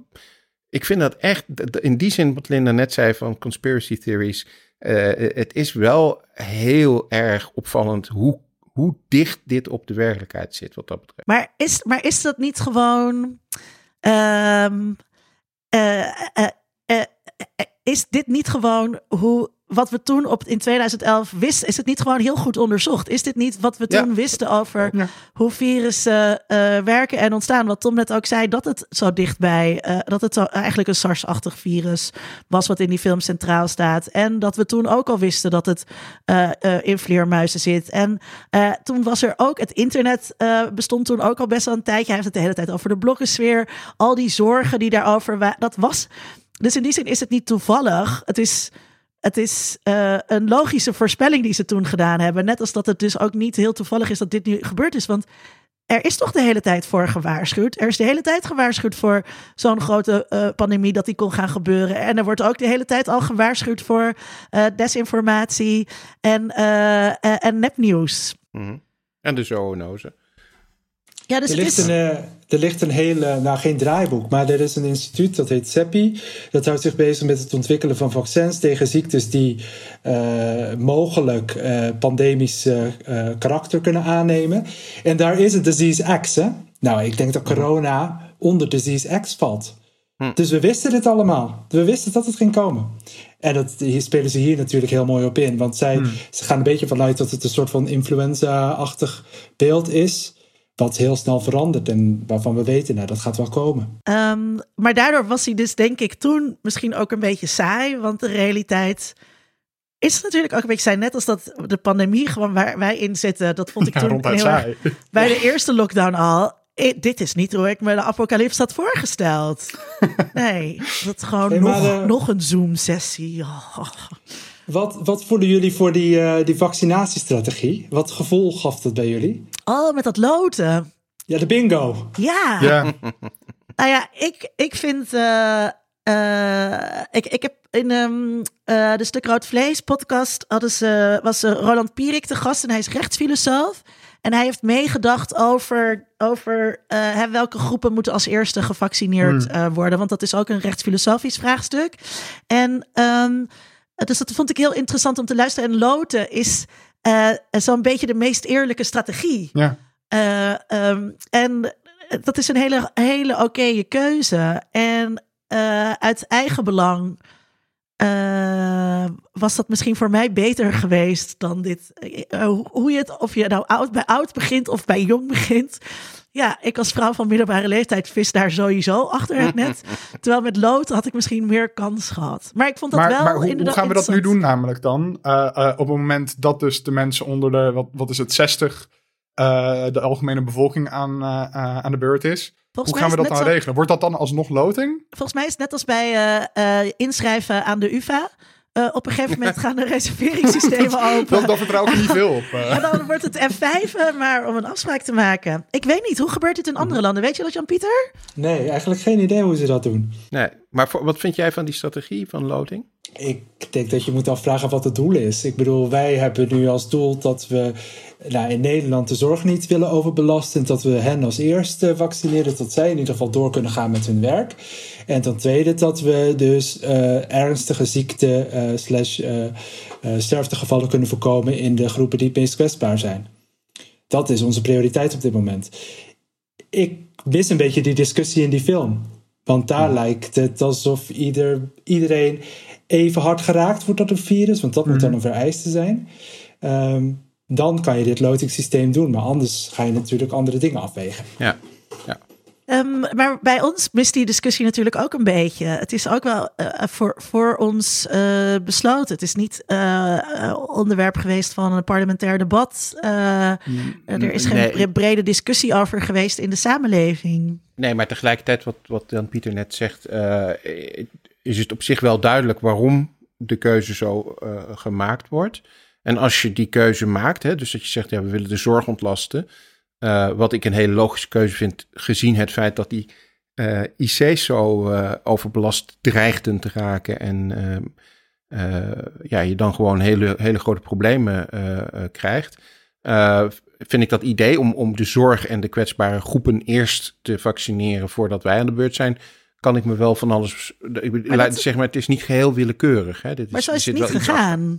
Dus uh, uh, eerst was besloten om als eerste de, de uh, verpleegtehuizen en, en die te doen. En toen hebben de, de ziekenhuizen, die hebben gezegd, ja maar wacht eens even, wij hebben te maken met enorm ziekteverzuim op de SCH's en de IC's. Dus dat moet anders. En toen hebben ze echt in een paar dagen uh, uh, hebben ze die vooraan de, de, uh, de rij gezet. En dat is, dus dat was niet het plan wat uit het advies van de Gezondheidsraad was gekomen. Dat was niet het oorspronkelijke plan. Dus wat jou zo logisch in de oren klinkt, is een, is, is een heel ad hoc politieke beslissing geweest. Met, met, als, met een hele sterke lobby van die ziekenhuizen. dus zo, ja. zo vanzelfsprekend is het allemaal. Is het allemaal niet? Ik vind het zelf persoonlijk heel erg raar dat we nu allemaal 80, 90-jarigen aan het uh, inenten zijn. Voor wie die vaccins vaak ook uh, uh, misschien gevaccineerd worden.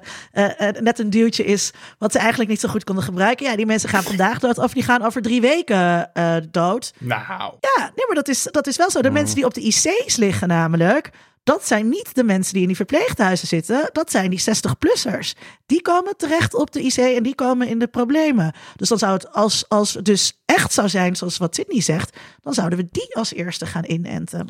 Ja, maar die beredenering is natuurlijk wel een beetje tricky. Want die mensen komen op de IC terecht. Omdat we met z'n allen de beslissing maken dat die mensen een kans maken. En daarom op de IC terechtkomen. Dus het is een beetje een cirkel. Ja. Uh, bij die oudere mensen, ja, die, die gaan nu gewoon niet dood. Dat is het groot verschil. Die waren wel doodgegaan als we ze niet gevaccineerd hadden. Bij de 50 en 60 jaren is dat nog onduidelijk. Ja, nee, um, ik ben het wel met Jan-Pieter eens. Oh, met wat? Ik ben het wel met Jan-Pieter eens, maar ik ben het überhaupt al snel eens met, met uh, uh, virologen en Maar met welk punt van Jan-Pieter ben je het wel eens? Nou, dat... Uh, dat het volgens mij een iets logischer uh, verhaal is dan, dan jij het doet voorkomen.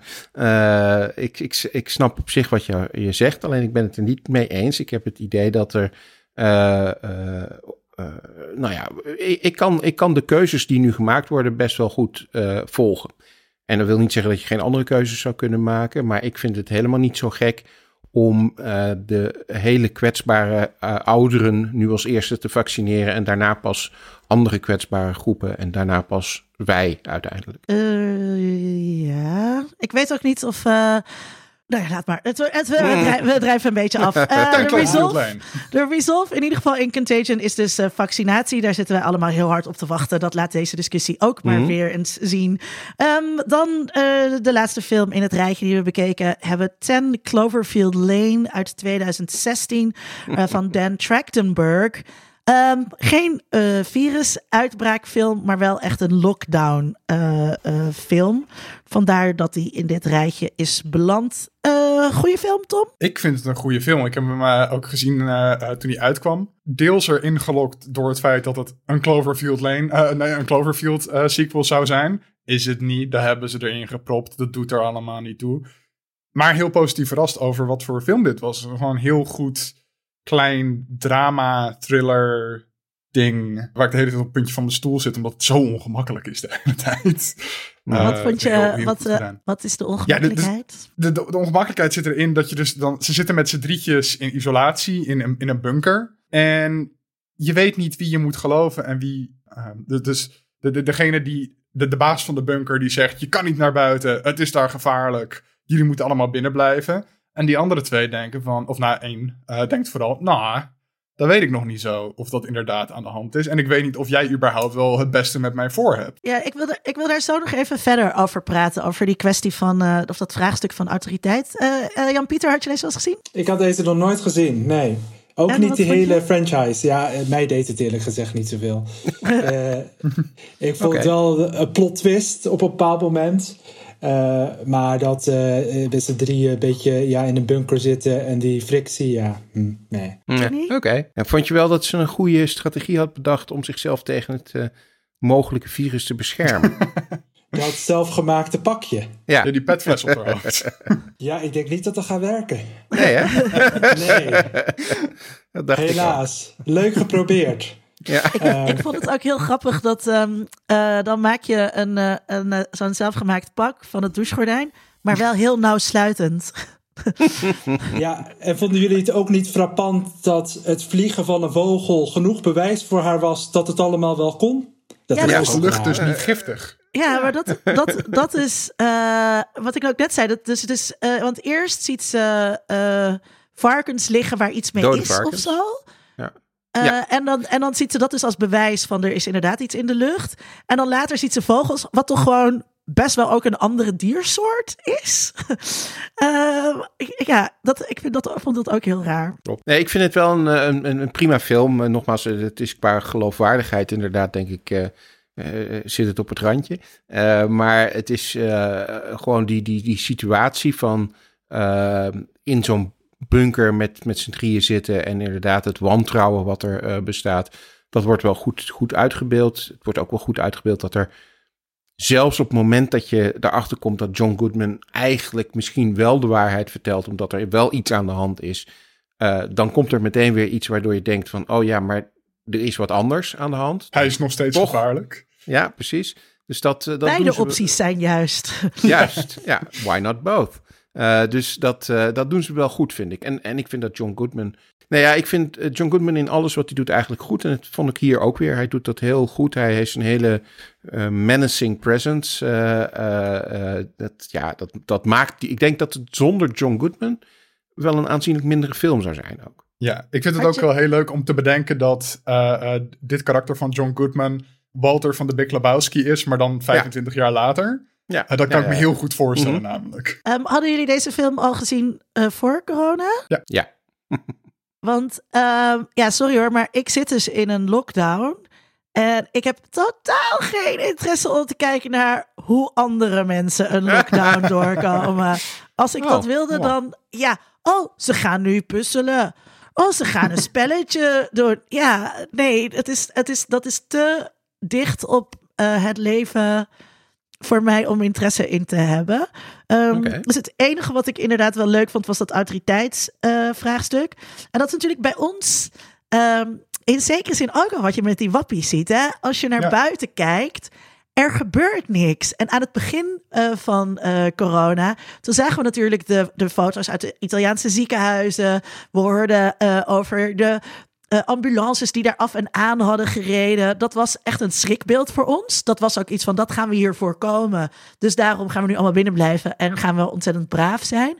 Maar toen bleek uh, in de loop van corona dat het hier niet kwam. En het virus is in Nederland, Nou. in ieder geval voor mij, uh, onzichtbaar gebleven. Er, er, er, zijn nooit ambulances door de straten gaan rijden of, of heel veel lijkwagens of zo. Dat hebben we hier, hier niet ik, gezien. Ik woon uh, uh, kan- naast een uh, verzorgingstehuis. uh, um, en bij mij was het wel een af- en aanrijden uh, uh, van uh, uh, uh, ambulances. Ik heb dat echt wel gemerkt. Uh, en er, er zijn ook echt iets van 40 uh, uh, mensen. Uh, dus, dus mijn buren zijn dood gegaan. Uh, dus Ja. ik heb echt gemerkt uh, in de straten van Amsterdam dat er echt iets aan de hand was. Maar het komt ook door waar ik woon. Precies. Klopt. Het geldt, het geldt voor mij ook. Hè. Ik heb, uh, uh, nou ja, een oom van mij is, is gewoon overleden aan uh, corona. Vrij vroeg al. Uh, dus we hebben dat ook allemaal meegemaakt met, de, met dat begrafenis waar mensen niet naartoe mochten en dat soort dingen. Dus het, het, het ligt denk ik inderdaad heel erg aan uh, je persoonlijke uh, ervaringen, je persoonlijke visie. Ik denk dat, uh, ik kan me voorstellen Jan-Pieter, dat voor jou corona ook bijzonder echt is, uh, toch? Ja, ja, ik, ik loop nog rond in het ziekenhuis. Dat mocht ook een tijdje niet. Um, maar ja, je, hoor, je hoort en je ziet het en je voelt het. Je voelt het ook bij collega's in het ziekenhuis. Iedereen heeft het zwaar en we weten precies waarom. Dus ja, het, is, het komt gelijk heel dichtbij dan. Maar, dus, maar dat, ik denk dus inderdaad dat dat, dat, dat uh, uh, klopt. En ik heb ook uh, mensen, vrienden die, die op de spoedeisende werken en die overwerkt zijn. En dat, je, dat je het vanuit daar meekrijgt. Maar het is wel. Um, eh, eh, hoe zeg je dat? Eh, wij hebben onze samenleving zo ingericht dat het dus best wel geïsoleerd is. Hmm. Ehm, dat, dus, dat is die verpleegtehuis. Nou ja, jij woont er toevallig dan eh, naast. Eh, maar dat het zich wel aan het oog van de samenleving onttrekt. En dat het daardoor dus ook makkelijker wordt om, ehm, om eh, het bestaan van dat virus te ontkennen. Eh, als je dus, hè, dus er zijn, er zijn eh, ik, ik ik heb op kantoor eh, iemand en eh, eh, die, ja, die een beetje in die hoek zit. En die zegt ook tegen, ja, je hoeft niet bang te zijn. Zij heeft het gehad en ze had alleen maar hoofdpijn. Dus ja, hoef ik ook niet bang te zijn. Want het is, zij, heeft dus, zij is dus bevestigd in haar idee dat het maar een griepje is. En vorige week overleed ehm, eh, de moeder van een vriend van haar. En zij zei, ja, aan corona. Nou ja, niet aan corona. Ze moest naar het ziekenhuis en aan de beademing. En toen ging ze dood. Dus dat was niet aan corona. Eh, dus het is ook wel weer zo dat als je... Ja, maar dus als je het ook... Als je het niet wilt zien... Dan kan je dus ook... Is vrij eh, makkelijk, ja. dan kan je, ja, dus dan kan je het ook eh, niet zien. Nou ja, En dan dat is- kan je ook zeggen dat Jan-Pieter betaald is om in deze podcast Nou te ja, zitten. was maar waar, hè? Propaganda. en, en maar- dat, en Nee, dat maar dat is natuurlijk. Maar dat is natuurlijk het punt ook. eh, en dat vind ik wel heel eng. We hebben het natuurlijk in, in onze vorige aflevering over 1984 ook een beetje al over gehad. Ehm, wat jij net zegt, hè, dat iemand dan zegt van ja, nee, eh, ze lag aan de beademing en, eh, en, en toen is ze doodgegaan, maar dat was dus niet door corona. Dat is natuurlijk precies wat de mensen als, als meneer Baudet de hele tijd doen. Die de hele tijd maar zeggen van ja, maar iedereen die zogenaamd aan corona is overleden, die had al een onderliggende andere aandoening. En denk ja, nou dat, al was het zo, dan nog zijn ze in die zin overleden aan corona, dat ze zonder die corona dus kennelijk prima hadden kunnen overleven. En dat dus nu niet gedaan hebben. En dat vind Ja. ik heel, eh, ja, dat vind ik wel beangstigend, dat mensen daar echt zichzelf van weten te overtuigen. Ja, maar dat, Ehm. wat het interessante dan is aan, aan Cloverfield Lane, denk ik, eh, is dat je, dat je dan in de schoenen geplaatst wordt van die ander die het dus niet gelooft. Ja, klopt. Dat, dat, dat, je, dat je de, de, de, de lijn van gedachten beter kan snappen. Eh, eh, en dat betekent niet per se dat je ermee hoeft te sympathiseren of dat ze gelijk hebben. Eh, maar dat je wel zit van, ja, dus dan lijkt een overheid dus inderdaad eh, zo'n grote John Goodman die de deur voor je verspert. Eh, terwijl jij zit van, ja, maar er zit niks achter die deur. Wat, wat- laat me er gewoon langs, man. Mhm. Ehm, eh, da- daarmee kan je daar toch een beetje invoelen of zo. Eh, en dat, dat vind ik er wel interessant aan. Ja, dat, je- vond- dat vond ik ja. dus ook interessant aan, eh, aan die film. De vraag ook van eh, wat voor bewijs. Wat voor bewijs is overtuigend? Wanneer. Hmm. eh, en moet je dat dus altijd zelf ervaren? Eh, en als je dus niet op autoriteit af kunt gaan, want je kent die twee andere mensen helemaal niet. Ehm, ja, wie, wie geloof je dan? Ik hoorde ooit van iemand die ehm, eh, voor Fairphone werkte. En die was, eh, ik meen, in Oeganda geweest. Eh, en had met mensen gesproken die niet konden lezen of schrijven. En was daar tegen boeren gezegd dat als je plastic op je land doet, dat het dan goed is voor, voor de groei van je, Oh. van, je, van, je, van je crops. En op het moment dat jij dus zelf geen informatie kunt checken, dan draait het dus alleen maar over, over wie, wie vertrouw je. Eh, En dat, dat eh, ehm, sowieso, dus wie vertrouw je, dat is, dat is heel belangrijk. Dus mensen eh, vertrouwen bepaalde publieke figuren, maar ja. eh, Lange Frans is ook een publiek figuur. Eh, eh, ja, dus dat, dat eh, vond ik heel interessant. Ehm, de vraag voor Sydney was eh, een beetje flauw. Voor mij? Ja, eh, is dit een feministische film, Sydney? Is dit een feministische film? Ik denk het wel. Eh, omdat zij eh, eh, ja, uiteindelijk toch haar eigen mannetje staat. Het, nee, omdat ze, ja, ik denk dat, nou ja, nee, ik denk niet dat het een feministische film in, in per se is. Het is in ieder geval een film met een vrouwelijk karakter dat niet alleen maar een soort passief leidend voor- voorwerp is. Dat maakt het dan wel eh, beter dan sommige andere films. ik, eh, zat, ik zat er te kijken en ik zat... eh Oké, ze wordt gevangen gehouden door een witte hetero man. Ja, Ja, en dan probeert ze te ontsnappen. Maar kun je wel ontsnappen aan het patriarchaat? nee. Ja. Uiteindelijk dus niet, want dan kom je buiten en dan zijn er gewoon marsmannetjes. Ehm, mannetjes, ja. Dat, dat, dat, is wat hier belangrijk aan is. ehm, wat, is, wat is het einde van deze film? Is er eigenlijk een resolve? Nee. Nee. Nee, anders dan dat, dat ze dus besluit om, om te gaan knokken tegen die aliens. Maar ja, dat, dan moeten we een keertje een vervolg zien. En hopelijk zit daar dan een resolve in. Zou ik Ja. best wel willen zien trouwens, een vervolg op deze film. Ehm, maar ja, niet, niet, niet voor deze situatie. Anders dan dat ze een vat zuur over haar captor heen gooit. En dan Over het patriarchaat. Burn it down. Eh, eh, eh, is, maar is, ehm, wat ik vond, eigenlijk zeg maar dat stuk dat ze dan dus ontsnapt en dan komen die aliens nog weer, dat was voor mij dus niet helemaal nodig. Totaal niet. Nee. Want die film Maar dat- gaat dus eigenlijk over het ontsnappen aan die, aan die lockdown. En het, ik denk dat het een mooier eind was geweest als ze, als ze gewoon erachter was gekomen. Oké, ik ga naar buiten. Oh, het is veilig. Oh nee, het is toch niet veilig. Einde of zo. Ja, ik denk dat dat deels zit in het idee dat deze film eh, al bedacht was en geschreven was voordat eh, men besloot om het een onderdeel van de Cloverfield-serie te maken. Eh, daarom heet het ook 10 Cloverfield Lane, ehm, omdat het een soort van sequel op die Cloverfield van eh, van J.J. Abrams is. Eh, maar dat was dus oorspronkelijk helemaal niet de bedoeling van die film. Het is hetzelfde met die andere film waarvan ik nu even de titel kwijt ben, die zich op dat ruimtestation Cloverfield. Paradox. Ja, precies. Dat was ook een film die al bedacht en geschreven en voor een deel opgenomen was. Voordat ze bedachten, oh nee, dan maken we er een onderdeel van de, van de Cloverfield-serie van.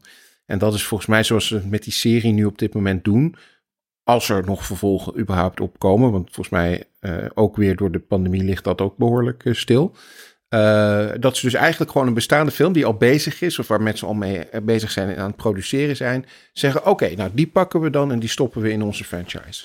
Ja, dat vind ik een Eh, hele luie manier van een franchise bouwen. En ik ben er echt Ja, geen zeker. van. Uh, ik, ik vind echt dat dit een betere film zou zijn geweest als die aliens gewoon lekker weggelaten zouden zijn. Echt totaal onnodig. Dat, dat denk Ah. ik ook. Eh, En dus maar nog over de, de, de eh, lockdown resolve. U moet gewoon naar de overheid luisteren. Er is een avondklok. U dient binnen te blijven na negen uur 's avonds. Niet daaraan twijfelen, niet naar buiten rennen om het toch te testen. Luister naar mijn stem. Ehm, misschien eh, kunnen we nog iets algemeens zeggen nadat we al deze films besproken hebben. Bijvoorbeeld, is de mensheid een plaag? Is het niet gewoon onvermijdelijk dat we uitgeroeid gaan worden op de een of andere manier? Jan Nou ja, dat zit er natuurlijk wel aan te komen op een gegeven moment, toch? Gewoon, op een gegeven moment gaat dit fout. Ehm, maar ik weet niet of we dan echt helemaal uitgeroeid worden. Maar ja, het zou niet de eerste ke- keer zijn dat mensheid door een plaag eh, echt een paar stappen terug moet doen. Ja, Jan Pieter? Ja, misschien. Ik weet niet of het uit de microbiologische hoek hoeft te komen. Ik denk dat we met ons klimaat al aardig op weg zijn en dat Ja. dat ons eerder nekt. Eh, trouwens, dat verandert ook infectieziekten. Hè? Ja. Dus eh, wie weet, het werkt elkaar Oh, alleen in de hand. Kan je daar iets meer over zeggen? Nou ja, Want jij bepaalde bent ge- gespecialiseerd in tropische infectie- infectieziekten. Nou, ja, ik ben heel erg geïnteresseerd daarin. En eh, die specialisatie die komt hopelijk nog. maar wat je, wat je dus ziet, dat eh, bepaalde leefgebieden van een aantal ziektes die overgedragen worden door muggen, zich steeds verder uitbreiden. Daarom komt Zika nu op andere plaatsen voor. En de, met dat de wereld opwarmt, zal dat al, allemaal blijven veranderen. Hoe, hoe, hoe, ehm, is, is, is virologie eh, eh, op dit moment heel erg hot onder eh, wetenschappers? Ja, nu even los van de corona, want ik neem aan dat er zeker nu meer mensen zijn die erin geïnteresseerd zijn. Maar Iedereen is nu viroloog, Sydney. Ik snap je ja, vraag precies. niet. Ja. Ja, Dit land zijn een er al beetje 17 googlen. miljoen. Ja, en Maurice de Hond volgen. Nou, de, de, eh, achter, de achtergrond van de vraag is eigenlijk dat ik eh, meen te weten dat zeg maar in de jaren 60, 70 eh, dat de hele epidemiologie en virologie een beetje een eh, wetenschap leek die ten dode was opgeschreven, omdat het idee bestond van ja, maar we hebben nu alles al onder controle, we hebben overal vaccins voor, die sterven allemaal uit, dus, dus waar maak je je druk om? Nou ja, toen kwam AIDS. Ja, nee, dat, inderdaad, dat klopt dus niet. Die gedachte speelde erg in de jaren 60 en 70. Ze verklaarden ze je eigenlijk voor gek als je je ging specialiseren in de, de microbiologie of in infectieziekten. Daar komen we nu van terug. Weet je, ik denk eh, nie- nieuwe opkomende infecties zijn een groot gevaar. Maar misschien is het allemaal veel minder sexy hoor. Misschien is het gewoon een bacterie die nergens meer op reageert. Ik denk Ja. dat die kans ook heel erg groot is dat het binnen nu en 15 jaar komt als we geen nieuwe eh, behandelmethodes uitvinden. Wat, sorry, dat het een bacterie is die wat gaat doen? Ons allemaal Die- gaat uitmoorden. Nou, die niet meer gevoelig is voor medicijnen. Superbugs eigenlijk. En ja, dat, resistentie heet dat. En dat is al op bepaalde plekken. Dus dan blijf je met één of twee middelen over die helpen. Maar als je die op grote schaal gaat toepassen, gaat het misschien weer muteren en dan werkt niks meer. Ja, dat is een groot gevaar. Ik zie dus uh, echt uh, de rampenfilms, uh, de, de, rampenfilm die zich gaat voltrekken, is dat en het klimaat verandert en dan komen dus alle, alle muggen hier naartoe en, er, en, en er is antibiotica resistentie en als we ja. dan denken, wow, het kan allemaal niet erger, dan komt er een meteor, meteoriet op de aarde af en, en, en gaan we die er doodt nog alle muggen dan. ja. En dat is dan de resolve. Ja. um, ik wou nog aan jullie vragen uh, of dit nu je kijkervaring anders uh, uh, heeft gemaakt. Nu we, dit, nu we dit zelf eigenlijk meemaken. Geeft het, geeft het jullie afleiding of rust dat, we nu, dat je nu deze films hebt gekeken voor het huiswerk ook? Of Sydney? nou, ik, ik had er duidelijk behoefte aan. Want ik heb er dus vorig jaar al een heleboel, nog veel meer dan deze alleen hoor. Maar een heleboel virusfilms gekeken. Omdat het me, het fascineerde me om, omdat we opeens zelf in zo'n pandemie zaten, uh, om, om, om die films toch weer eens terug te kijken en hoe daar mee om wordt gegaan. Het is ook een beetje escapisme natuurlijk, omdat het in die, de meeste van die films, Contagion is een beetje een uitzondering, uh, maar in de meeste van die films is het allemaal natuurlijk veel erger nog dan wat we uh, nu meemaken, waardoor het dan, nou ja, dat je toch het gevoel kan hebben van ja, het kan dus nog, nog vreselijker misgaan. Ehm, maar ja, nee, ik, ik, ik, vond, het, ik vond het wel ik vond het wel passen eigenlijk bij deze tijd om die films uh, uh, te gaan kijken. En wat ik al zei, Contagion, maar ook en de band Played On, dat is dan over de AIDS-epidemie. Dat zijn films die, die gewoon heel realistisch zijn. En dat vind ik ook wel heel interessant om te zien. Tom, voor jou? Um, ik denk dat ik veel meer herkenning heb of zo daarmee. Dat, dat, dat het dan interessanter maakt dan ik het normaal zou vinden. Dat ik veel meer bezig ben met, oh ja, dat heb ik inderdaad nu ook gezien. Of ja, dat, dat, dat, dat loopt inderdaad zo, of juist niet. Um, maar uh, dat die kijkervaring in zoverre verandert dat je dus de hele tijd aan het spiegelen bent met hoe wij in, de af, in het afgelopen jaar er doorheen zijn geweest. Uh, en dat vind ik eigenlijk wel leuker aan, dat je dat, dat vergelijken kan gaan doen. Ja, hoe was dat, hoe was dat voor jou, Jan-Pieter? Ja, ik vind het vooral leuk om te spiegelen. Ik uh, ben heel erg in het begin van mijn PhD nu. En er komen overal wel aspecten naar voren die heel erg wetenschap zijn. En ook ja, discussies die ik ook nog dagelijks voer met mensen over nou, geld voor grants. En is een dokter nou goed of is een wetenschapper goed? En dat vind ik heel leuk. Dus dat maakt het zeg maar persoonlijk. Zijn het ook dingen waar, je, waar jullie onderling uh, over praten of grapjes over maken? Niet over de films, maar wel over de onderwerpen in de films. Dus Contagion, ik bedoel, dat is dagelijkse materie voor ons. Ja. Ja. Dus dat is heel leuk. Ik, um, ik moet dus zeggen, ik, ja, dus vorig jaar wilde ik het echt niet uh, toen, uh, toen Sydney dat uh, voorstelde. en nu vond ik het wel leuk en gaf het me inderdaad de afleiding. En ook wel, ook wat Sydney zei, um, die vergelijking, het kan, het kan allemaal veel erger. En zo erg is het uiteindelijk ook allemaal niet. In die zin is het ook gewoon een, is het dus een slechte film uh, uh, omdat hij gewoon niet spannend genoeg is ook. Uh, of misschien moet je hem dan beter vertellen vanuit een soort Hugo de Jong perspectief. van wat er allemaal mis kan gaan. Um, ja, dat was een slechte overgang. Denk je dat je die mm, nee. af kan knippen? Jawel, toch? Nee, ik wil, ik wil, ik wil de, dat was een slechte overgang. Die ga ik er gewoon lekker inhouden. In a world. In a. World. In a world. We zitten al bijna op twee uur, dus misschien kunnen we de vooruitblik snel doen. Tom. Oké, okay, uh, blijkbaar komt er een nieuw seizoen van Dexter. Uh, oh, en we hebben het daar Dexter? over. Dexter. We hebben het daar tijdens onze yep. aflevering over serie-eindes over gehad. Dat het einde van Dexter echt baggertje kut is. Um, en er wordt dus een take 2 gedaan op het einde. En ik hoop dat we nu dus echt de closure krijgen uh, die we nodig hebben voor Dexter. Dat hoop ik ook. Sydney. Um, Star Trek Strange New Worlds, spin-off van Discovery over de Enterprise crew, komt eraan. Uh, lijkt me leuk, was een, uh, was een leuk uh, groepje acteurs die dat deden. En Bel Air, oftewel de dramatische remake van Fresh Prince. Nee.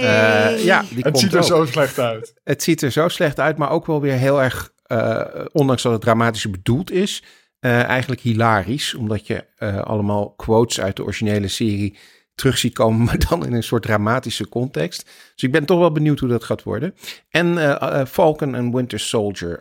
na Hm. het succes van WandaVision, wat nou ja, nog maar net begonnen is, maar tot nu toe al, in ieder geval in mijn beleving, bijzonder interessant en goed. Ben ik nog benieuwder naar Falcon and Winter Soldier op 19 maart op Disney+. Vergeet het niet op te schrijven, Sydney. Eh Jan-Pieter.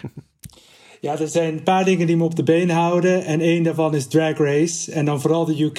Dus iedere week kijken. Dat is fantastisch. Drag Race Yes, UK. Drag Race, absoluut. Ehm, ik hoop dat we snel ook weer samen een keer mogen kijken. ehm, eh, Ja. eh, met, eh, met, met de vriendengroep. Daar kijk ik naar uit. Naar eh, samen zijn met de vriendengroep. En ehm, ehm, eh, de nieuwe film eh, vanaf 5 februari te streamen. Bliss. Met Owen Wilson. Die ik zoals de luisteraar weet heel erg leuk vind. En Selma Hayek. En ik heb begrepen dat het ehm The Matrix meets Eternal Sunshine of the Spotless Mind is. Wat ik alle twee heel fantastische films vind. Dus ik ben heel benieuwd hoe dat vorm gaat krijgen. Ehm, dit was aflevering 70 van de podcast Geeky Dingen. Wij vinden het leuk als u ons volgt op sociale media. En we vinden het ook heel erg leuk als u ons aanraadt aan andere mensen. Bijvoorbeeld in een Zoom-sessie. Of als u voor 9 uur op straat bent, houdt u wel anderhalve meter afstand. We willen graag onze vaste Patreons bedanken. Mark de Groot en Rona Bosman. We vinden het leuk als u ook onze Patreon wordt. Vanaf 2 euro in de maand kan je onze podcast al op donderdag luisteren in plaats van op zaterdag.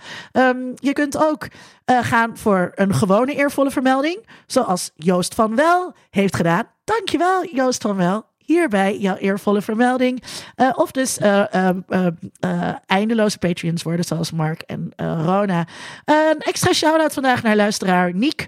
Het Niek Chen op Twitter, die altijd zo enthousiast comment.